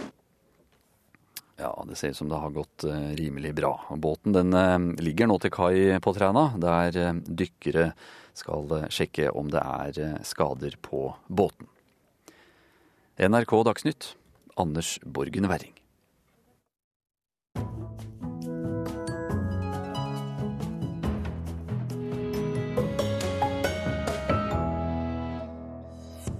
Betalingsmur på nettavisene stopper opplagsfall på papir og er god butikk. Bloggeren Eivind Berge, som har oppfordret til å drepe politifolk, reiser søksmål mot staten etter avslag på krav om erstatning. Og en av landets store festivaler vurderer å endre billettsystemet for å hindre svartebørssalg. Og i USA hadde den amerikanske versjonen av den svensk-danske TV-suksessen Broen premiere denne uka. Manusforfatterne har gjort grep de mener gjør serien enda mer spennende. Du hører på Kulturnytt med Elisabeth Tøtte Hansen i studio. Betaling for nettaviser er altså i ferd med å bli god butikk for mediehusene. Mange aviser har allerede stengt deler av nettsidene sine og opplever økt opplag og større annonseinntekter. Flere følger etter i løpet av høsten. Avisa Valdres velger den mest radikale løsningen og stenger alt innhold for de som ikke vil betale. 16.10 så stenger vi eh, nettsiden vår for eh, dem som ikke er abonnenter av Avisa Valdres. Det er en radikal beslutning Ivar Brynhildsen har tatt. Han er redaktør i Avisa Valdres og sier det ikke gir mening å gi bort innhold. Abonnentene vil få et bedre og mer attraktivt tilbud enn i dag. Så vi tror at våre eksisterende lesere de kommer til å bli mye mer fornøyd. Og så håper vi at de som frem til i dag ikke har abonnert, da snakker jeg om det, altså kjenneleseren i Valdres, at de føler et ytterligere press for at eh, de må faktisk abonnere for å vite hva som skjer i området der de bor. Avisa Valdres blir den andre avisen her i landet som stenger alt innhold på nett for gratispassasjerene. Sandefjords Blad var først ute. Ansvarlig redaktør Jan Roaldseth forteller om gode erfaringer. Ja, Vi er nok litt tidlig ute, og det ble jo litt eh, protester da vi gjorde det i januar. Men det har gått egentlig veldig greit. Eh, folk flest forstår at eh, journalistikk koster penger. Og de aksepterer at, uh, at det er rimelig å ta betalt. Det er bare litt uvant vi ser jo på utviklingen at eh, dette her har gått eh, egentlig enda bedre enn det vi hadde håpet på. Med betalingsmur har annonseinntektene økt med 15% At papiravisen gir gratis nettilgang har ført til flere abonnenter, og opplagsfallet er snudd. Så langt har det vært et sjansespill å starte med betaling, for det har manglet klare svar på det viktigste spørsmålet for avisene. Er folk villige til å betale? Ja, det er jeg. Eh, for jeg eh, eh, abonnerer ikke på aviser. Så hvis det blir da fremtidens løsning på nettaviser, så er jeg det. Mye bedre å lese den i vanlig avisform, ja. Er det. Man er vant til å ha det på gratis på nettet. Er, men selvfølgelig hvis det var spesielle ting man fikk lov til å lese, så ville man muligens, ville jeg muligens betalt noe. De fleste avisene her i landet har valgt en delt løsning der enkelte artikler er gratis, mens andre må du betale for å lese. VG er blant dem som går for den såkalte plussløsningen. Her er da nyhetsseksjonen, ikke sant. Så kan du ble her nede. Så får du nyhetene. Så er det økonomi. Meninger. VG-redaktør Torry Pedersen viser frem VG pluss på nettbrettet. Så langt betaler nesten 25 000 for å lese ekstramaterialet. Men fortsatt skal mye innhold være fritt tilgjengelig. Helt ytterst så er det gratis for alle. Og så kan du logge deg inn. Eh, da får du noen bedre tjenester. Og hvis du er innlogget, så vet vi hvem du er, og da har du potensielt større verdi for annonsøren. Og helt innerst så kan du betale, for der eh, ligger eh, da indrefileten som du kan grille nå i sommervarmen. Heller ikke Aftenposten vil lukke alt stoffet, men fra høsten av blir det betaling. Trolig det som kalles metermodellen, at du betaler etter hvor mye du leser. Bergens Tidende vil også begynne å ta betalt før jul, men har ikke bestemt seg for hvordan. Sandefjords Blad er så fornøyd med sin løsning at redaktøren stadig drar på misjonsreiser. Jeg får jo mange invitasjoner og har også deltatt på diverse konferanser osv. Og, så og det kommer jeg til å fortsette med, fordi jeg tror at dette her er bra for lokalaviser av vår type. Reporter her, det var Thomas Alverstein Ove. Kulturkommentator i NRK Agnes Moxnes. Har disse lokalavisene funnet den endelige løsningen om å ta betalt? Nei, det tror jeg ikke. Det eksperimenteres for fullt over hele linja, ikke bare i Norge, men i resten av verden også. men det er interessant å se at, eh, at Valdresavisa, eller Avisa Valdres nå bestemmer seg for å si nei til alle gratispassasjerer på eh, nettutgaven sin, og er dermed blir nummer to da i Norge som gjør, tar et såpass drastisk grep som det. Men det dette betyr, er jo at vi som avislesere i løpet av det året som kommer nå, virkelig kommer til å bli utfordret på hva vi er villige til å betale for eh, når det gjelder tilgang på nyheter. For her hører vi om eh, flere ulike modeller, altså flere mm, måter å, å, å ta betalt. Hva er eh, utfordringene? Ja, utfordringen er målet, og målet er å få oss til å bli et digitalt publikum. Og det som, som taler for at, det, at, dette skal gå ganske bra, det er at i Norge så er det tett, altså flust med smarttelefoner og, og nettbrett og digitale løsninger. Eh, norske aviser har kommet veldig langt i digitaliseringen. Altså, allerede i 2005 så leste vi flere nyheter på nettet enn vi gjorde på papiraviser. Sånn at eh, vi er vant til det, men vi er også vant til å få disse nyhetene gratis. Så grunnen til at det svettes skikkelig i norske avisredaksjoner og blant norske aviseiere nå, det er jo dette spørsmålet er folk villige til å betale for eh, det digitale nyhetsinnholdet. Og det er det slaget som nå skal stå for fullt, da. Ja, for det om folk vil betale eller ikke. altså Dersom de ikke vil da, får avisen et problem? Ja, De får ikke et problem, de har et uh, problem. Uh, avisopplaget har jo gått ned eller falt i, i mange år, og, og, inntektene har falt til dels dramatisk i norske avishus. Det er mange flere aktører som slåss om de samme annonsekronene, også internasjonale aktører som Google og Facebook osv. osv. Så, man må folk få, rett og slett få folk til å betale for nyhetene på nettet. Kan ikke fortsette å gi det bort uh, gratis. og hvis man ikke får til dette her, så ryker altså rett og slett det norske mediemangfoldet. Men hva med de, de, store avishusene, da? Vi hørte jo VG i saken her. Hva med deres nettaviser? Hva tror du kommer til å skje der? Ja, Det er jo det, det, det vi kommer til å, å, se nå, tror jeg, i løpet av året. Jeg tror Aftenposten kommer til å, å lukke eh, i oktober-november eller noe sånt nå. Eh, det mange mener, er jo at lokalavisene og nisjeavisene har det litt lettere fordi at de har et, et et innhold som er, altså konkurransen er litt mindre om. Eh, altså Nettavisene eller finansavisene som oppdateres kontinuerlig på børs og marked eh, f.eks. Men det, de som virkelig tenker så det knaker nå, er jo aviser som Aftenposten og Adresseavisen og Bergens Tidende. Altså de, de store allmenne avisene. Eh, og det spørsmålet de stiller seg, det er jo hva vil folk betale for å lese? Eh, vi vet, altså vi vet jo, vi som sitter her, vet jo at vi vil ikke betale for det stoffet vi får gratis andre steder. Eh, derfor så kommer de til å la nyhetsstrømmen være gratis. Men det de håper vi vil betale for, det er egensakene som avisa selv har gravd fram. Det er analysene, bakgrunnsartiklene, de supergode pennene, portrettene. Altså det Torry Pedersen i VG kalte indrefileten. Så norske aviser må rett og slett bli enda bedre på å være seg selv og være på en strålende måte. Norske aviser må bli bedre på å være seg selv. Takk skal du ha, kulturkommentator i NRK Agnes Moxnes.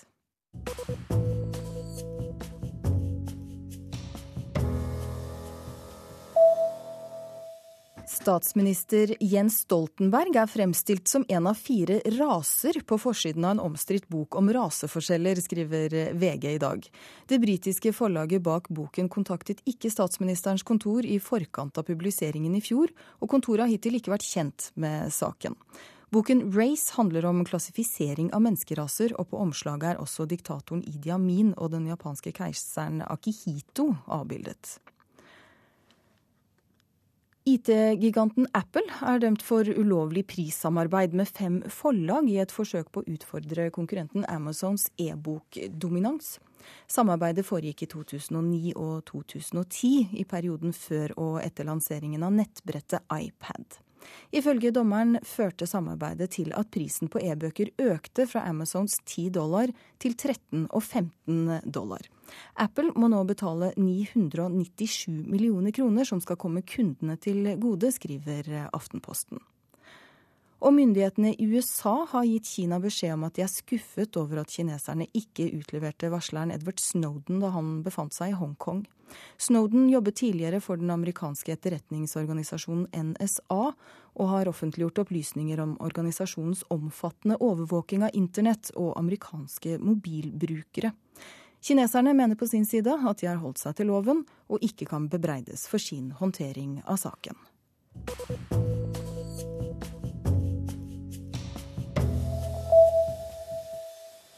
Bloggeren Eivind Berge, som i juni i fjor oppfordret til å ta livet av politifolk, reiser søksmål mot staten etter å ha fått avslag på sitt krav om erstatning. I forbindelse med blogginnlegget ble Berge varetektsfengslet, men saken mot ham ble henlagt av Riksadvokaten. I juni i fjor oppfordret Eivind Berge til å ta livet av politifolk på bloggen sin. Og han angrer ikke på det han publiserte. Han har bl.a. skrevet Jeg holder fast ved at politidrap er både etisk og taktisk riktig. Politidrap harmonerer 100% med alt jeg står for, og er overhodet ikke noe jeg vil beklage.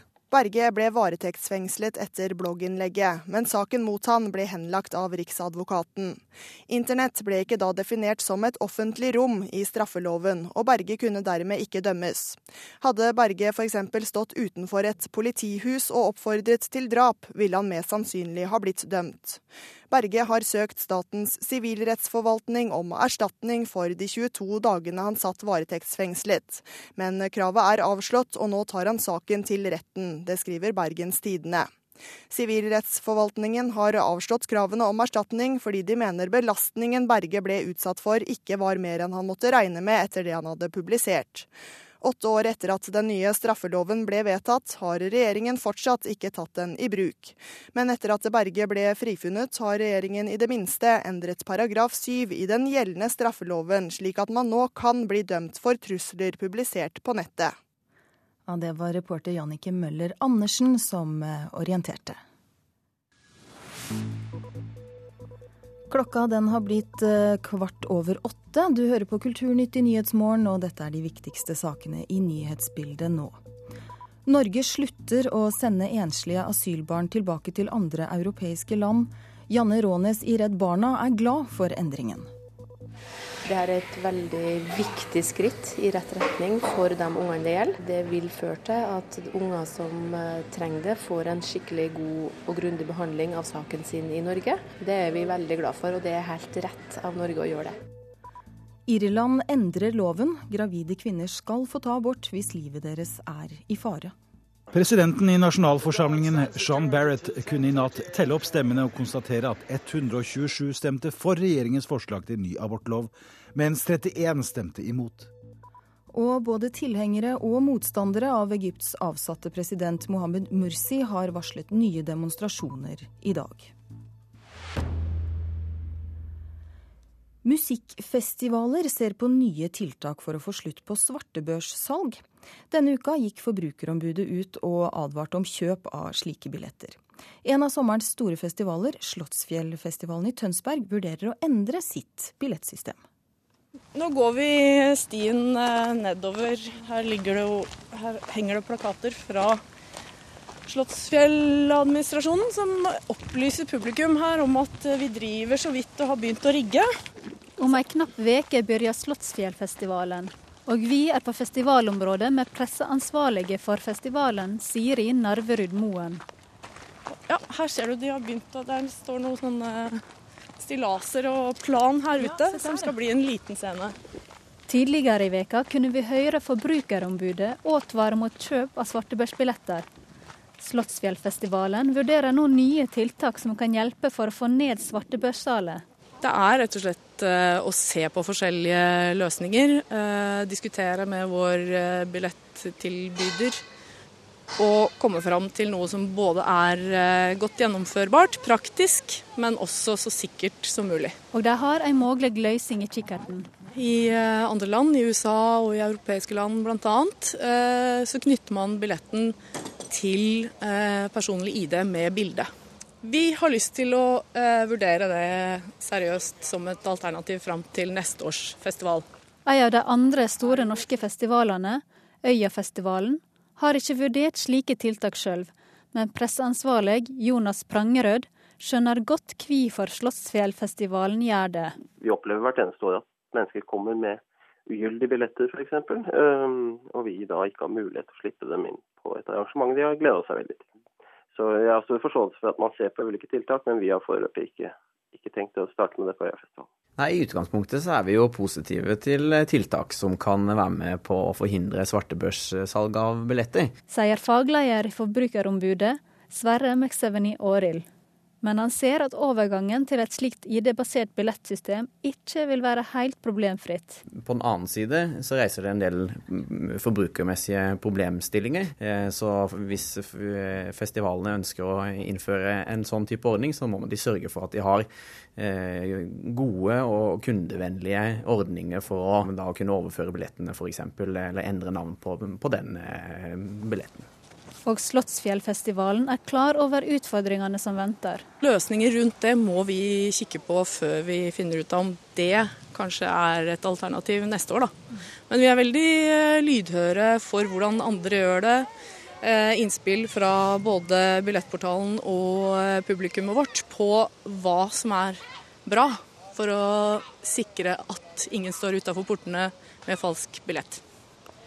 Ja, og Inntil videre råder både festivalene og Forbrukerombudet at en kun kjøper billetter av autoriserte forhandlere. Reporter her, det var Jean Kristin Sena. Og vi skal til en annen festival, vi. En som har nesten like mange frivillige som det er innbyggere på øya den er på. Vi snakker om Træna, ute i havgapet i Nordland.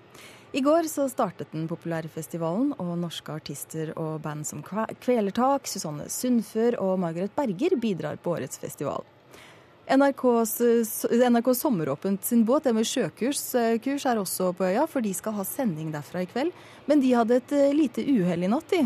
Hva skjedde egentlig, eh, reporter Kari Skeie? Ja, sommeråpenbåten MS Sjøkurs hadde altså en såkalt bunnberøring. Ikke en grunnstøting, har jeg fått vite fra mannskapet nå. Men dette skjedde altså i natt. Men eh, alt er under kontroll. De sjekka båten for lekkasjer i, i natt. Og nå står vi her på kaia i Træna. Og nå går altså rednings, Redningsselskapet en runde rundt for å se at alt er OK.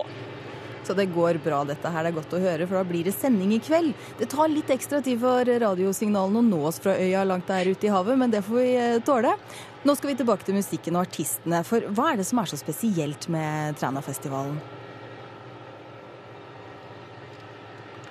Det som er spesielt med Trænafestivalen er jo først og fremst beliggenheten, vil jeg si. Vi er altså ute på en liten øy. Træna er en liten øy langt til havs, og da mener jeg virkelig langt til havs. Det tar altså et par timer med ferje for, for, å komme hit. Og så er det veldig spesielt faktisk å å komme til øya Træna med båt. Eh, man, man, blir altså møtt av fjell som bare skyter rett opp av havet. Og på disse øyene så bor det altså om lag 500 mennesker som lever av oppdrett og fiske. Men under Trænafestivalen så stiger altså folketallet her på øya til om lag 4000 mennesker. Og så er det en festival som er veldig populær både for publikum, artister og mange frivillige hjelpere.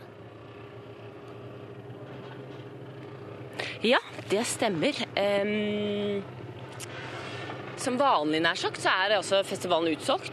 De 2000 billettene som ble lagt ut eh, tidligere i år, ble utsolgt før, eh, før, programmet var klart. Men eh, uten frivillige, ingen festival her på Træna. I år så er det rundt 400 som har meldt seg. Det er altså, som du sa, like mange som bor her. Og en av dem er altså Finn Erik Christensen fra Mosjøen. Når kom du hit? Jeg kom hit for eh, to uker siden. Hvorfor har du valgt å ta litt av sommerferien din eh, på Træna som frivillig? Eh, mest egentlig for å kunne møte eh, nye folk, bli kjent med andre folk fra andre land. Sosialt samvær. ja, musikken og Ja, For blant dere frivillige så er det ikke bare nordmenn. Hvor, eh, hvor er det folk kommer fra? Akkurat nå så bor vi i et eh, hus lag med franskmenn, engelskmenn, folk fra Sveits, Nederland osv. Og en av disse utlendingene som faktisk har kommet langt for å være frivillig på Trænafestivalen, er altså Donna Lambert, egentlig fra Barbados, men eh, hun bor i Sveits. Og uh, Donna, we have to take this in English. Uh, why are you coming to Træna to, to work? Well, I'm on holiday and a friend needed help, so I decided to come and help out and serve where I can. Komme hit for å hjelpe oss. Um, what is your impression of the festival on this island? I like what I see so far. Tirana is a beautiful place. I love the ocean from Barbados and living in Switzerland, I don't get to see the sea, so it's really nice to be here and see the sea. Um, the people seem happy to be here and ready to party and have a good time, so I hope it's not a disappointment for them. And I just hope that everybody has a great time. Veldig vakkert og veldig fint å være ved havet, sier Donna her. But you have traveled a long way. Yes, I did. Three days it took me to get here. And I just want to be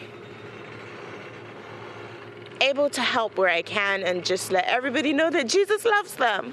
Ok, Det får bli siste ord fra Kaja her på Træna. Det var Donna Lambert, altså, som er fra Barba Barbados, men altså har kommet helt fra Sveits for å være frivillig. Det er altså kjempepopulært å komme til Træna fra store deler av Europa og verden, høres det ut som. Takk til Kari Skeie, reporter på øya der ute i havgapet. Og i kveld så sender altså NRK Sommeråpent fra båten deres Sjøkurs fra Træna.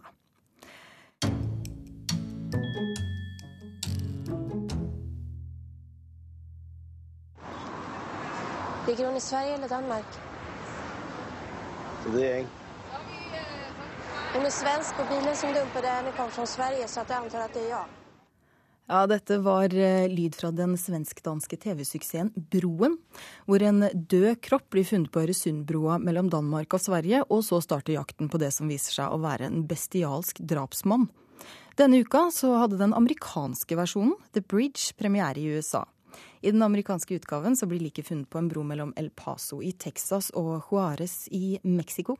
Kulturnytt har snakket med de to manusforfatterne av den amerikanske versjonen under innspilling i Los Angeles. We're in our El Paso Police Department, so they've learned that there's a serial killer out there, and the serial killer um, has sort of been leading our detectives piece by piece Manusforfatter Elwood Reed viser oss rundt på politikontoret der de filmer The Bridge. Den skulle foregå på grensen til Canada, men ble i siste liten flyttet mellom Texas og Mexico fordi landene er mer forskjellige. Marco Ruiz, Chihuahua State Police. And I couldn't understand the differences between Sweden and, and Denmark. I mean, there's they're generalizing. They're saying like, oh, the Swedes are very severe and cold, and the Danes are more, you know, they're they're more partiers, and you know, there's darker stuff going on there. Um, but politically, on screen they look the same to me. But I was like, okay, on screen you put somebody from Mexico and somebody, some you know, white woman from from from the United States. There's going to be a stark difference, and we all know. I mean, the entire world knows. Elwood Reed skjønte ikke forskjellen mellom Sverige og Danmark i broen. Og medforfatter Meredith Steam, som tidligere har skrevet 'Homeland', tror de nye forskjellene kan gjøre serien enda mer spennende. El Paso is this incredibly safe city, and it's very sleepy, and everything's closed by 10 o'clock. There's tons of law enforcement, and in a given year, there were five homicides. Right across the bridge, which you can walk across, and which I did, and which Elwood did, that same year there were 3,000 homicides in Juarez. And just the idea that these two cities were so vastly different living side by side just struck me and still strikes me as bizarre and amazing and something that really can't be sustained. Det var 3000 drap i året i Juárez mot fem i El Paso. Grensekonflikt, narkotikahandel og prostitusjon blir bakteppet i jakten på seriemorderen i The Bridge. Men Meredith Stee mener også de mister noe på veien. The beauty of the original was very stylized in this icy, stark, cold way. You know, it was beautiful. And you certainly lose that if you put it down south. I mean, our big element becomes the sun and desert. I mean, that was Is og kulde er byttet ut med ørken og sol, og manusforfatterne har også måttet gi politietterforskeren med Asperger, Sonja, som hun heter i den amerikanske versjonen, til en karakter med mer følelser. European cinema or, or you know, world cinema doesn't necessarily always have to have likable characters, just interesting characters. America's obsessed with likable, good-looking people. We had to split the difference in there. We had to bring American audiences into her character. So we tried to put a little, little bit of emotion in there to kind of get the audience to come along with us. For å ikke skremme et amerikansk publikum måtte Sonja være lettere å like. The Bridge har fått både strålende og noen mer lunkne kritikker i USA så langt. Elwood Reed selv mener de har beholdt de viktigste elementene fra broen. It's really fucking good. Um, so I would be a fool to try to change that. You know, we, we created a bunch of other weird storylines which are going to continue to grow as the series goes on. But the essential relationship between Sonia and Marco and the crime that leads them through, we've made better where we thought we could make it better, but I'm not going to radically change too much of the structure because it works so well. And you'll recognize exact dialogue even, because if it worked, I'm not going to mess with it. White arms, brown legs. Two different women.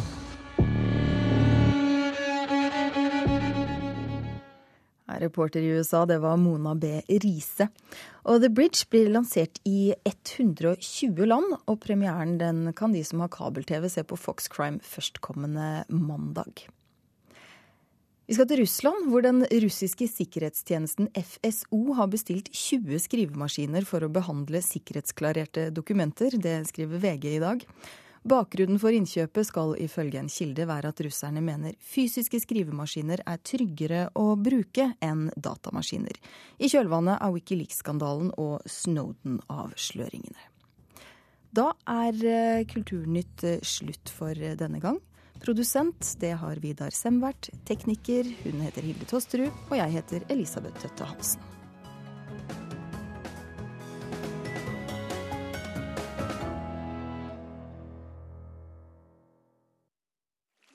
Sommer i P2. Jeg heter Kjersti Annesdatter Skomsvold og er forfatter. I mitt Sommer i P2 skal jeg snakke om hvordan det er å reise fra romanen man akkurat har gjort ferdig, om å kaste opp på den kinesiske mur, om å forlate hunden sin, og om Lasarus som bare smiler én gang etter å ha stått opp fra de døde.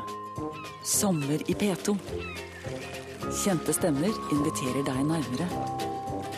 I dag klokken 15.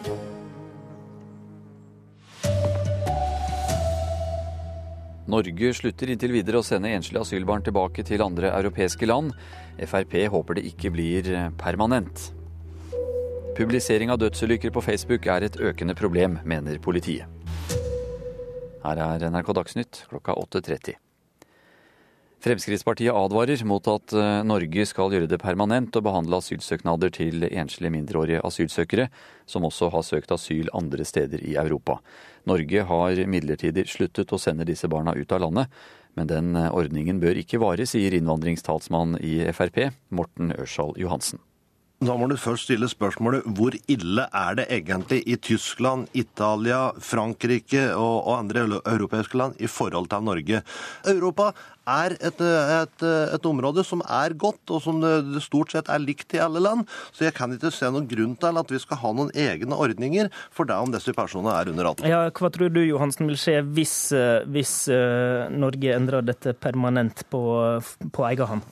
Det er klart at Hvis dette her blir et, eh, et, permanent resultat, så er jeg redd for at eh, de ryktene vil gå, og de personene som da ofte står bak disse unge og ungdommer, vil benytte seg av det. Selvfølgelig selvfølgelig, og jeg tror da at vi òg da vil få en, en større tilstrømning til Norge. I tur er det var Håvard Grønli. Publisering av dødsulykker på sosiale medier før pårørende har blitt varslet er et økende problem. Det mener både politiet og personer som jobber med å bistå folk i sorg. Denne uka fikk en kvinne på Karmøy i Rogaland nyheten om dødsfallet til bestefaren sin på Facebook var inne på Facebook og kikka litt og sånt, og så ser jeg at det, det har vært dødsbrann på Sævland. Eh, og så klikker jeg inn på bildet, og så ser jeg huset til besteforeldrene mine. Konsekvensene rundt det med eh, eh informasjon eh, til pårørende etter ulykker og, og, alvorlige hendelser, det er en av de negative sidene. Edgar Mannes er fungerende politimester i Haugesund. Han ser at tidlig publisering på sosiale nettverk er et økende problem. Der ser vi at eh, folk de publiserer eh, informasjon så tidlig at, eh, at de pårørende gjerne får vite det for første gang på den måten.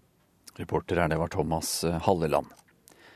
Drapsdømte Terje Vik, som ble dømt til 21 års fengsel for å ha drept sin tidligere kjæreste med gift, er løslatt etter å ha sonet to tredeler av straffen. 64-åringen ble løslatt 29. mai etter å ha sonet 14 år, skriver Adresseavisen. Vik rømte under permisjon fra Ila fengsel i 2009, ti år etter at han ble dømt, men kom tilbake igjen ti dager senere. Hans forsvarer, advokat Jon Christian Elden, vil ikke kommentere de konkrete sidene av løslatelsen, men mener det ikke er noe spesielt med denne saken. NRK Dagsnytt, Anders Borgen Werring.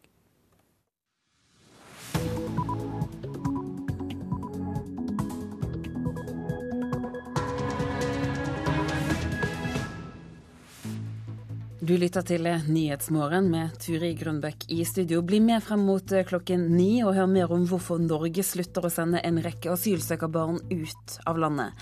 Etter heftig debatt i flere måneder så endrer Irland nå abortloven. Og dessuten skal vi også til New York, for i dag tar 600 ungdommer fra hele verden over FNs hovedforsamling.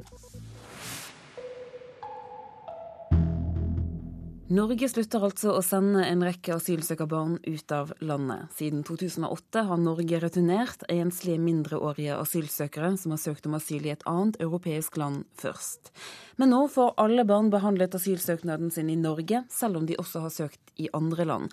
Ordningen er midlertidig, men den kan bli varig, sier Justisdepartementet. Asyladvokat Arild Humlen krever at Norge gjør dette permanent. Noen endelig avklaring er det ikke, men eh, de som nå er i Norge og har søknader eh, til vurdering her i Norge, de vil få en fullstendig vurdering av asylsøknaden her. Barna kommer til Norge uten foreldre og søker om å få bli. De har reist gjennom Europa og har søkt asyl eller blitt registrert i ett eller flere av landene de har reist gjennom. Siden 2008 har Norge returnert disse asylsøkerne til det første europeiske landet de er registrert i. Men etter Europadomstolen i juni definerte her som ulovlig, har Norge slutta å sende barna tilbake til det første landet de kom til. I hvert fall midlertidig. Janne Rånes i Redd Barna har kjempa for returstopp de siste fem årene, og hun jubler.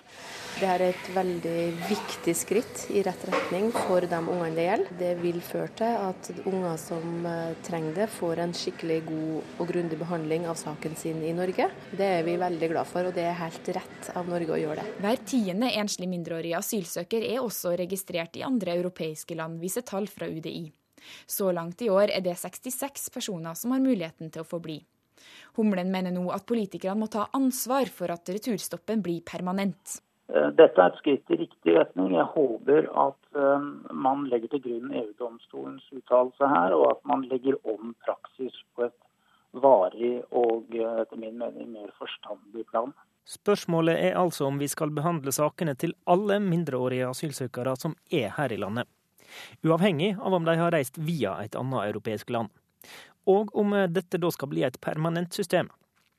Det kan skje, sa statssekretær Pål Lønseth i Justisdepartementet i Politisk kvarter i dag.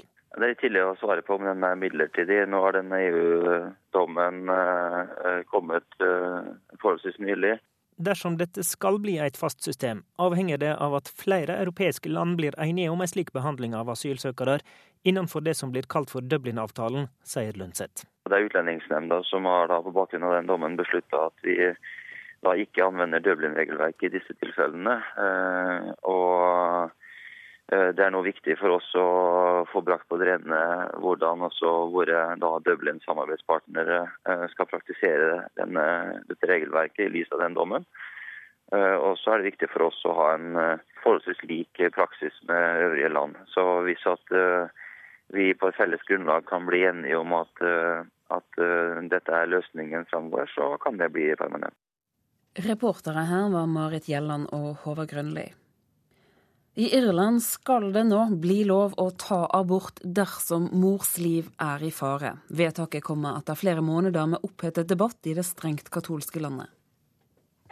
Demonstranter utenfor det irske parlamentet i Dublin holder fram plakater der bl.a. står 'Abort dreper en, sårer en annen', og 'Redd Irland fra abort'. Men her er det også tilhengere av den nye loven. Who would ask a 14-year-old to carry the baby of a rapist?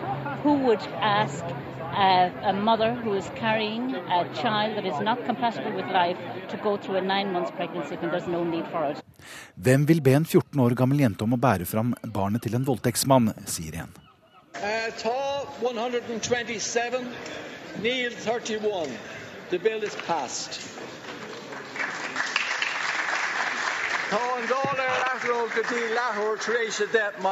Presidenten i nasjonalforsamlingen, Sean Barrett, kunne i natt telle opp stemmene og konstatere at 127 stemte for regjeringens forslag til ny abortlov, mens 31 stemte imot.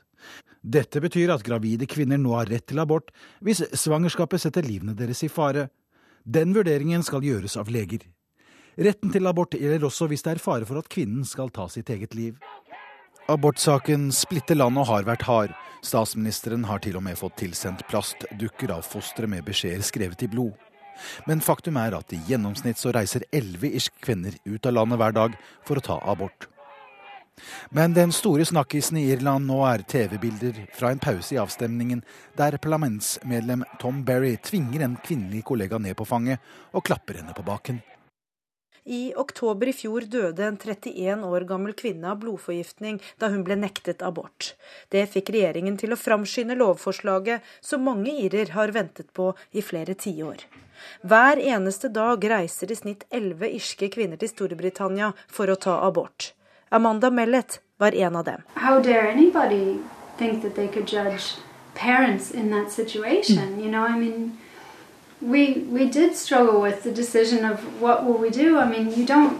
What those are your options. Do I do I continue with the pregnancy and wait for my baby to die inside me at any given moment? It could happen at any second of any day. I'm just waiting for my baby to die, or I deliver my baby and my baby dies in front of me, or we terminate the pregnancy. What kind of options are those? I mean, you know. Hvordan våger noen dømme foreldre i en slik situasjon, spør hun. Selv opplevde hun at fosteret hun bar på ville dø, enten i løpet av svangerskapet eller rett etterpå. Hun og mannen mente det var det beste for barnet å avslutte svangerskapet. Men de måtte, som mange irer i samme situasjon, spare penger, ta seg fri og reise til England for å få tatt abort. Og måtte tåle å bli møtt med svært negative holdninger. Of the power of the church over the government in Ireland. And there's certain areas that are yet to, to change and evolve with the times. Kirkens historiske makt over politikerne har vært stor i Irland, mener Amanda Mellet, som sier Irland fortsatt har en vei å gå for å utvikle seg i tråd med moderne tider. Reportere her var Øyvind Nyborg og korrespondent Gry Blekastad Almås. Statoil har laget en plan for å flagge ut opp mot 1000 norske arbeidsplasser, og det skal skje innen 2020. Det skriver VG, og økonomimedarbeider her i NRK, Hedvig Bjørgum, hva går disse planene ut på? Jo, eh, ifølge informasjonsdirektør Jannik Lindbekk jr. i Statoil, så jobber selskapet med å hente inn tilbud på tjenestekjøp fra andre utenfor dagens organisasjon. Han sier det kan være snakk om å kjøpe eksterne tjenester tilsvarende 250 til 350 arbeidsplasser. Men VG skriver at Statoil i et notat eh, skriver at det kan være snakk om å flagge ut opptil 1000 stillinger. Det interne notatet VG har fått tilgang til, viser at ledelsen vurderer å flagge ut mange sentrale tjenester, mens informasjonsdirektøren sier at det ikke er så mange. Men at et høyere antall ble identifisert som et potensial i en tidlig fase i prosessen, som han sier det. Til VG. Han henviser da til utflaggingsprosessen, og det vil si å bytte ut folk i Statoils virksomheter med folk fra andre selskaper som leverer like tjenester. Hvilke, hvilke, stillinger er det snakk om? Eh, det er tjenesteleverandører Statoil innhenter tilbud fra. Det er IKT-tjenester, byggadministrasjon, personalledelse og finans- og økonomitjenester. Det er regnskapsførere, økonomimedarbeidere og administrative stillinger. Men, men hva er det som er årsaken til at Statoil gjør dette? Eh, det er for å spare penger. I notatet VG har lest, så er eksempelet slik. Eh, utgiften for en norsk regnskapsfører er eh, på ca. 60 000 kroner måneden. I Riga i Latvia er prisen for samme tjeneste 8500 kroner. Og dessuten så er jo alle andre priser også lavere, nesten alle andre steder enn i Norge. Hedvig Bjørgum, takk skal du ha. Det er en sterk økning i bedrifter som går konkurs i Norge. Men eh, DNB-sjef Rune Bjerke mener man ikke skal høre for mye på dem som tror at en ny krise kan være på vei, til tross for de dystre meldingene fra konkursregisteret. Den viser jo at det er en økning eh, i siste måned. Og for første halvår kan underdirektør Carl Erik Rørmark i Konkursregisteret fortelle at over 20% flere bedrifter måtte stenge dørene enn på samme tid i fjor.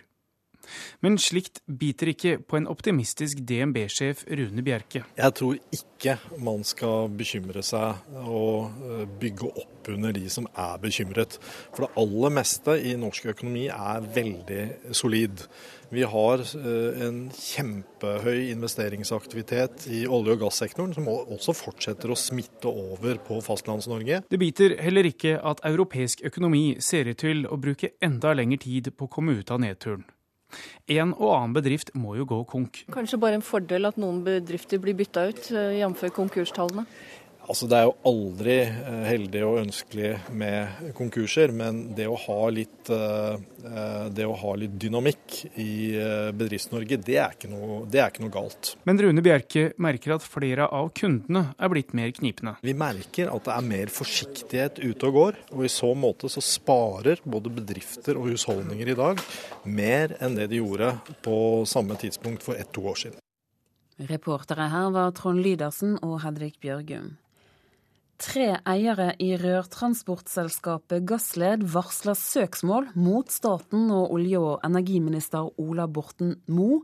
Årsaken er at staten har endret betingelsene for gasstransport. dette betyr et samlet tap på 40 milliarder kroner for Gassled. Det sier administrerende direktør Dan Jarle Flølo i Njord Gass, og det sier han til Finansavisen.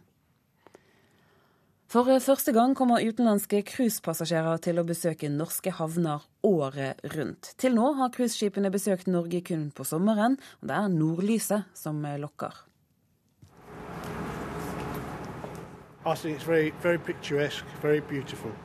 Det er så vakkert her, sier britiske John Burton, med et turkart i hånda på kaia i Ålesund.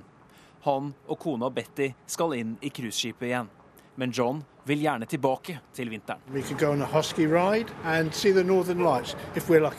Vi kan dra på sledetur og kanskje se nordlyset hvis vi er heldige, sier John. Til nå har vi nordmenn vært vant med at cruiseskipene bare kommer om sommeren. Men det vil snart endre seg, viser en foreløpig oversikt fra havnene langs norskekysten. Mens cruiseskipene for bare noen få år siden kom til Norge i mai og dro i august, varer sesongen i dag fra april til oktober. Noen rederier tilbyr nå turer også i februar og mars. Og fra sommeren 2014 til sommeren 2015 vil skipene komme hver eneste måned nesten hele året. Vi ser jo at eh, Norge nå har blitt hottere for britene enn Karibien sier Wenche Elisabeth Eek i cruisebransjens markedsføringsselskap Cruise Norway. Det er en etterspørsel i det britiske markedet etter å oppleve nordlys i Nord-Norge spesielt, og velger da å komme til Norge i november, desember og januar. Og i Ålesund vil britiske Betty gjerne ha snø og frisk luft på dekk om vinteren. Yes, I prefer the winter. The snow on the mountains, lovely, beautiful clear air, feel very um, healthy. Reportere her det var Haldo Asvald og Maria Holand Tøfse. Klokken er 8.46. Du lytter til Nyhetsmorgen med bl.a. disse hovedsakene. Alle asylsøkerbarn skal få behandlet søknaden sin i Norge, selv om de også har søkt i andre land. Irland er splittet, men nå er det vedtatt det blir lov å ta abort dersom mors liv er i fare. Og bli med oss videre og høre at flere og flere pårørende får vite på Facebook at deres nære og kjente er døde. Når en person er død, så skjønner jeg jo at eh, bestefaren min har omkommet i brann. Men aller først nå så skal vi til New York, for i dag skal 600 ungdommer fra hele verden ta over FNs hovedforsamling. I front står pakistanske Malala Yousafzai, jenten som ble eh, forsøkt drept av Taliban fordi hun kjemper for jenters rett til utdanning. Blant ungdommene finner vi også norske Alexandra Kensland Letelier fra Plan Norges ungdomsgruppe Uro. Eh, I dag skal da ungdom fra hele verden gå sammen og stå opp for barns rett til utdanning. Eh, og hovedformålet da er å skape oppmerksomhet rundt temaet og få verdens ledere til å sette utdanning høyere opp på agendaen. Hvordan er utdanningssituasjonen i dag? Eh, utdanningssituasjonen i dag er eh, forbedret eh, med tanke på hvordan det var da tusenårsmålene ble satt i 2000. Eh, men det er eh, fortsatt ganske mange utfordringer vi står overfor. Det er 57 millioner barn i verden som ikke har noe som helst tilgang på grunnskoleutdanning. Og da 66 millioner jenter i verden som ikke får fullført sin grunnskoleutdanning. Og dette er da én av tre jenter i verden. Ja, for dere, altså dere er 600 ungdommer fra hele verden. Hva ønsker dere å oppnå? Vi ønsker å oppnå oppmerksomhet. Eh, og med dette så skal vi da overlevere en resolusjon til eh, FNs generalsekretær Ban Ki-moon, eh, som deretter skal sendes ut til medlemslandene. I tillegg så vil det være en del taler i morgen. Malala skal holde en tale. og så er det blitt plukket ut elleve ungdommer totalt av de 600 som skal få lov til å fortelle en historie. Jeg har vært så heldig å få lov til å bli en av dem. Fortell mer om det. Hva skal du si? Eh, jeg skal snakke om eh, globalt partnerskap eh, og hvor viktig det er. The Global First Education Initiative fokuserer mye på altså tilgang på utdanning og kvalitetsutdanning. Men også en ting som ofte blir glemt, er det med å skape globalt partnerskap og utdanne denne nye generasjonen da, inn til et globalt partnerskap. Og da vil samtidig få med hele salen til å løfte hånda for eh, barns og jenters rett til utdanning. I FNs generalforsamling? Ja. Gruer du deg? Eh, jeg gruer meg litt. Eh, jeg tror, det blir, jeg tror jeg kommer til å være veldig nervøs, men jeg tror også det kommer til å bli en helt fantastisk opplevelse.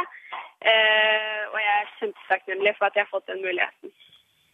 Du nevnte i sted Malala skal være der. Hva har hun betydd for jenters kamp for retten til utdanning? Malala er en utrolig modig jente, eh, en beundringsverdig jente og et stort forbilde for både store og små, tror jeg. Eh, hun har eh, dessverre gjennom en veldig dramatisk hendelse økt oppmerksomheten om utdanning. Og jeg tror at denne hendelsen også fikk mange til å åpne øynene og faktisk se hvor viktig det er at vi nå står opp og kjemper for alle barns rett til utdanning. Det sa Alexandra Kensland Letelier. I Nordland mener Fremskrittspartiet at vern av skog har blitt en byrde for næringslivet i fylket. Nærmere en femtedel av alt land i Nordland er vernet. Dagfinn Olsen i Nordland Frp mener naturvernet nå har gått for langt. Vi har verna så store landområder at vi i neste omgang ikke skal holde på med næringsvirksomhet. Vi skal altså dra til andre fylker for det her gråstoffet som vi skal leve av eh, bedriftene og skape arbeidsplasser i Nordland. Og det er helt meningsløst. Statssekretær Henriette Killi Vesterin i Miljøverndepartementet ser ikke naturvern som en byrde. Hun mener det er en ressurs. Og Det er viktig også å huske at vern gir også potensialet eh, for vekst og arbeidskraft. Jeg nevnte i stad Nord-Gudbrandsdalen. og Der vet vi at der omsettes det for ca. 200 millioner kroner i året i tilknytning til verneområder. Dagfinn Olsen mener derimot det er helt meningsløst at et selskap som Arbor blir rammet av vern i et område de har holdt på lenge. Turisme i Nord-Norge det være seg i stor grad langs kysten i Lofoten og på Helgeland. Eh, eh, da er ikke dette et godt vern. Dette er en næringsfiendtlig politikk som drives fra de rød-grønne og fra departementet. Westerin syns ikke dette er meningsløst. Hun sier det ikke er vernet nok skog i Norge, og vil gjerne verne mer. Norge har verna litt for lite skog, så vi trenger mer skogvern. Noen av de aller mest verdifulle artene våre de lever i skog, så det er veldig viktig eh, at vi også klarer å ta vare på skogen, og at vi sikrer arter for framtida. Olsen i Fremskrittspartiet tror ikke turisme er løsningen for Hattfjelldal. Han har tro på å få med seg de andre borgerlige partiene på en annen politikk hvis de skulle få regjeringsmakt etter valget. For Det kan ikke være sånn at man skal verne alt, slik at man ikke kan holde på med næringsvirksomhet. Man skal ikke kan bruke det området engang. Reporter her var Stian Eide. Vi skal eh, kikke nærmere på dagens avisforsider. Dagsavisen skriver om ekteskap. Avisen har møtt to lykkeforskere som gifter seg i dag, og som kan fortelle at ekteskapet gir større lykkefølelse og lengre levetid. Dagbladet byr bl.a. på et portrettintervju med NRKs egen Torkjell Bærulfsen. 70 barn har fått narkolepsi etter at myndighetene anbefalte svineinfluensavaksinen for fire år siden. Myndighetene har til nå utbetalt 62 millioner kroner i erstatning, og det er hovedsaken i Aftenposten. Det blir ni dager fin vær i sør og øst. Det skriver VG med store bokstaver på forsiden sin. Store aktører presser på for genmodifisert hvete i USA, bl.a. storbønder og matindustri, skriver Nasjonen. Søppel-Norge ja, det er overskriften i Vårt Land. Avisen skriver om alt avfallet som nordmenn produserer. Denne uken har politiet i Bergen aksjonert mot et hus på Paradis med mistanker om menneskehandel. Bergensavisen har snakket med rumenerne som bor der, som mener påstandene om menneskehandel er ren løgn. I går gikk en norsk båt ned utenfor kysten av Sverige. Sent i går kveld kom ungdommene som var om bord tilbake til Norge og til Stavanger. Denne hjemkomsten den kan du lese mer om i Aftenbladet.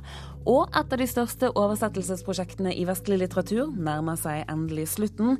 Islendingesagaene skal snart utgis på norsk for første gang, skriver Klassekampen. Publisering av dødsulykker på sosiale medier før pårørende er blitt varslet, er et økende problem, mener både politiet og personer som bistår eh, folk i sorg. Denne uken omkom en 79 år gammel mann i en boligbrann på Karmøy.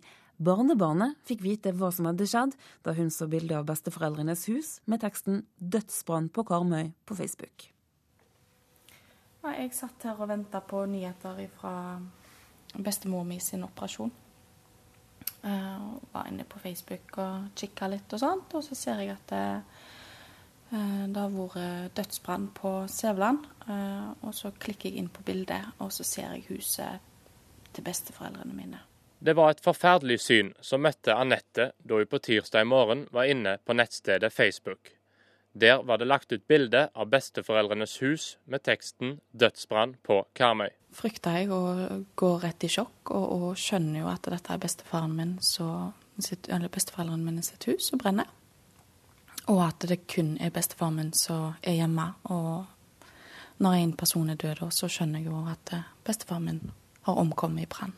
Bildet, som ble lagt ut av en lokal nyhetsformidler, ble så tidlig publisert at flere pårørende fortsatt ikke var varsla. Eh, det første jeg gjør, er å, å prøve å ta kontakt med tanta mi. Eh, for å, å, se om hun har hørt noe, om hun har snakket med bestefaren min. Eh, vi får ikke noe svar der før det går eh, en ti minutters tid, der jeg da får en telefon fra tanta mi og så forteller at presten har vært hos henne og sagt at bestefaren min har omkommet i en husbrann. Edgar Mannes er fungerende politimester i Haugesund. Han ser at tidlig publisering på sosiale nettverk er et økende problem. Ja, eh, Fremveksten av de sosiale mediene har jo mye godt med seg, men eh, det har også noen negative konsekvenser. Og konsekvensene rundt det med eh, eh informasjon til pårørende etter ulykker og, og, alvorlige hendelser, det er en av de negative sidene. Og Der ser vi at folk de publiserer informasjon så tidlig at, eh, at, eh, de pårørende gjerne får vite det for første gang på den måten. Rune Engedal er prest i Haugesund. Når alvorlige ulykker inntreffer, er det han som drar hjem til de pårørende for å overrekke den triste beskjeden. Det er jo klart at når ulykker skjer og dødsfall i familier, så er det viktig at familien får vite dette på en så korrekt måte, så raskt som mulig fra offisielt hold. Og som prest så er du ute der på vegne av politiet, og de har eh, da de opplysningene som en vet er til stede på det tidspunktet. Og det er jo klart at eh, når ting kommer ut på eh, sosiale medier, så er det veldig stor eh, feil margin. Der er fare for rykter, og ting blir ofte veldig feil kommunisert. Å få vite at bestefaren var omkommet via Facebook, var ikke lett for Anette. Helt forferdelig. Jeg hadde, jeg hadde aldri i min villeste fantasi trodd at Facebook skulle, skulle informere meg om noe så forferdelig. Reporter her var Thomas Halleland. Vi skal ta med et værvarsel som gjelder frem til midnatt. Fjellet i Sør-Norge får pent vær, men periodevis mer skyet i nord. Østlandet, Telemark, Agder får alle pent vær. Rogaland blir det nordvest liten kuling på kysten. Frisk bris nord for Obrestad. Det blir skyet i ytre strøk først på dagen, men ellers pent vær. Hordaland litt skyet i ytre strøk først på dagen, men ellers pent vær. Men i sent i kveld så blir det tilskyende. Sogn og Fjordane pent vær i indre strøk. Ellers oppholdsvær, men det blir utrygt for litt regn på kysten i kveld. Møre og Romsdal frisk bris på kysten i sør. Det blir perioder med sol. I kveld utrygt for litt regn på kysten. Trøndelag får pent vær i sør og ellers oppholdsvær. Helgeland og Saltfjellet lave tåkeskyer først på dagen. Litt regn mot kvelden, men ellers opphold. Salten, Ofoten, Lofoten, Vesterålen litt regn eller yr. I ettermiddag forbigående oppholdsvær. Troms, der blir det opphold. Fra i ettermiddag litt regn, først i sør. Kyst- og fjordstrøkene i Vest-Finnmark enkelte regnbyger. Fra i ettermiddag skiftende bris og etter hvert oppholdsvær. Finnmarksvidda i nordlige områder enkelte regnbyger, men ellers opphold. Øst-Finnmark først på dagen periodevis stiv kuling på kysten, enkelte regnbyger vesentlig på kysten. Og Spitsbergen, der blir det skiftende bris og opphold. Så var det temperaturene, da. De er målt klokken sju og viser at det var seks grader på Svalbard. Kirkenes ni, Vardø åtte. Tromsø ni grader. Bodø og Brønnøysund elleve. Trondheim 12 grader, Molde 13, Bergen 12, Stavanger 13, Kristiansand 11 grader, Gardermoen 14, Lillehammer 12 grader, Røros 8 og Oslo-Blindern 17 grader da klokken var sju i dag morges. Du lytter til Nyhetsmorgen i NRK P2 og Alltid nyheter. Det er Ulf Tannesfjell som har ansvaret for nyhetssendingene i dag. Produsent for Nyhetsmorgen, Vidar Eidhammer. Det er Hilde Tosterud som er teknisk ansvarlig.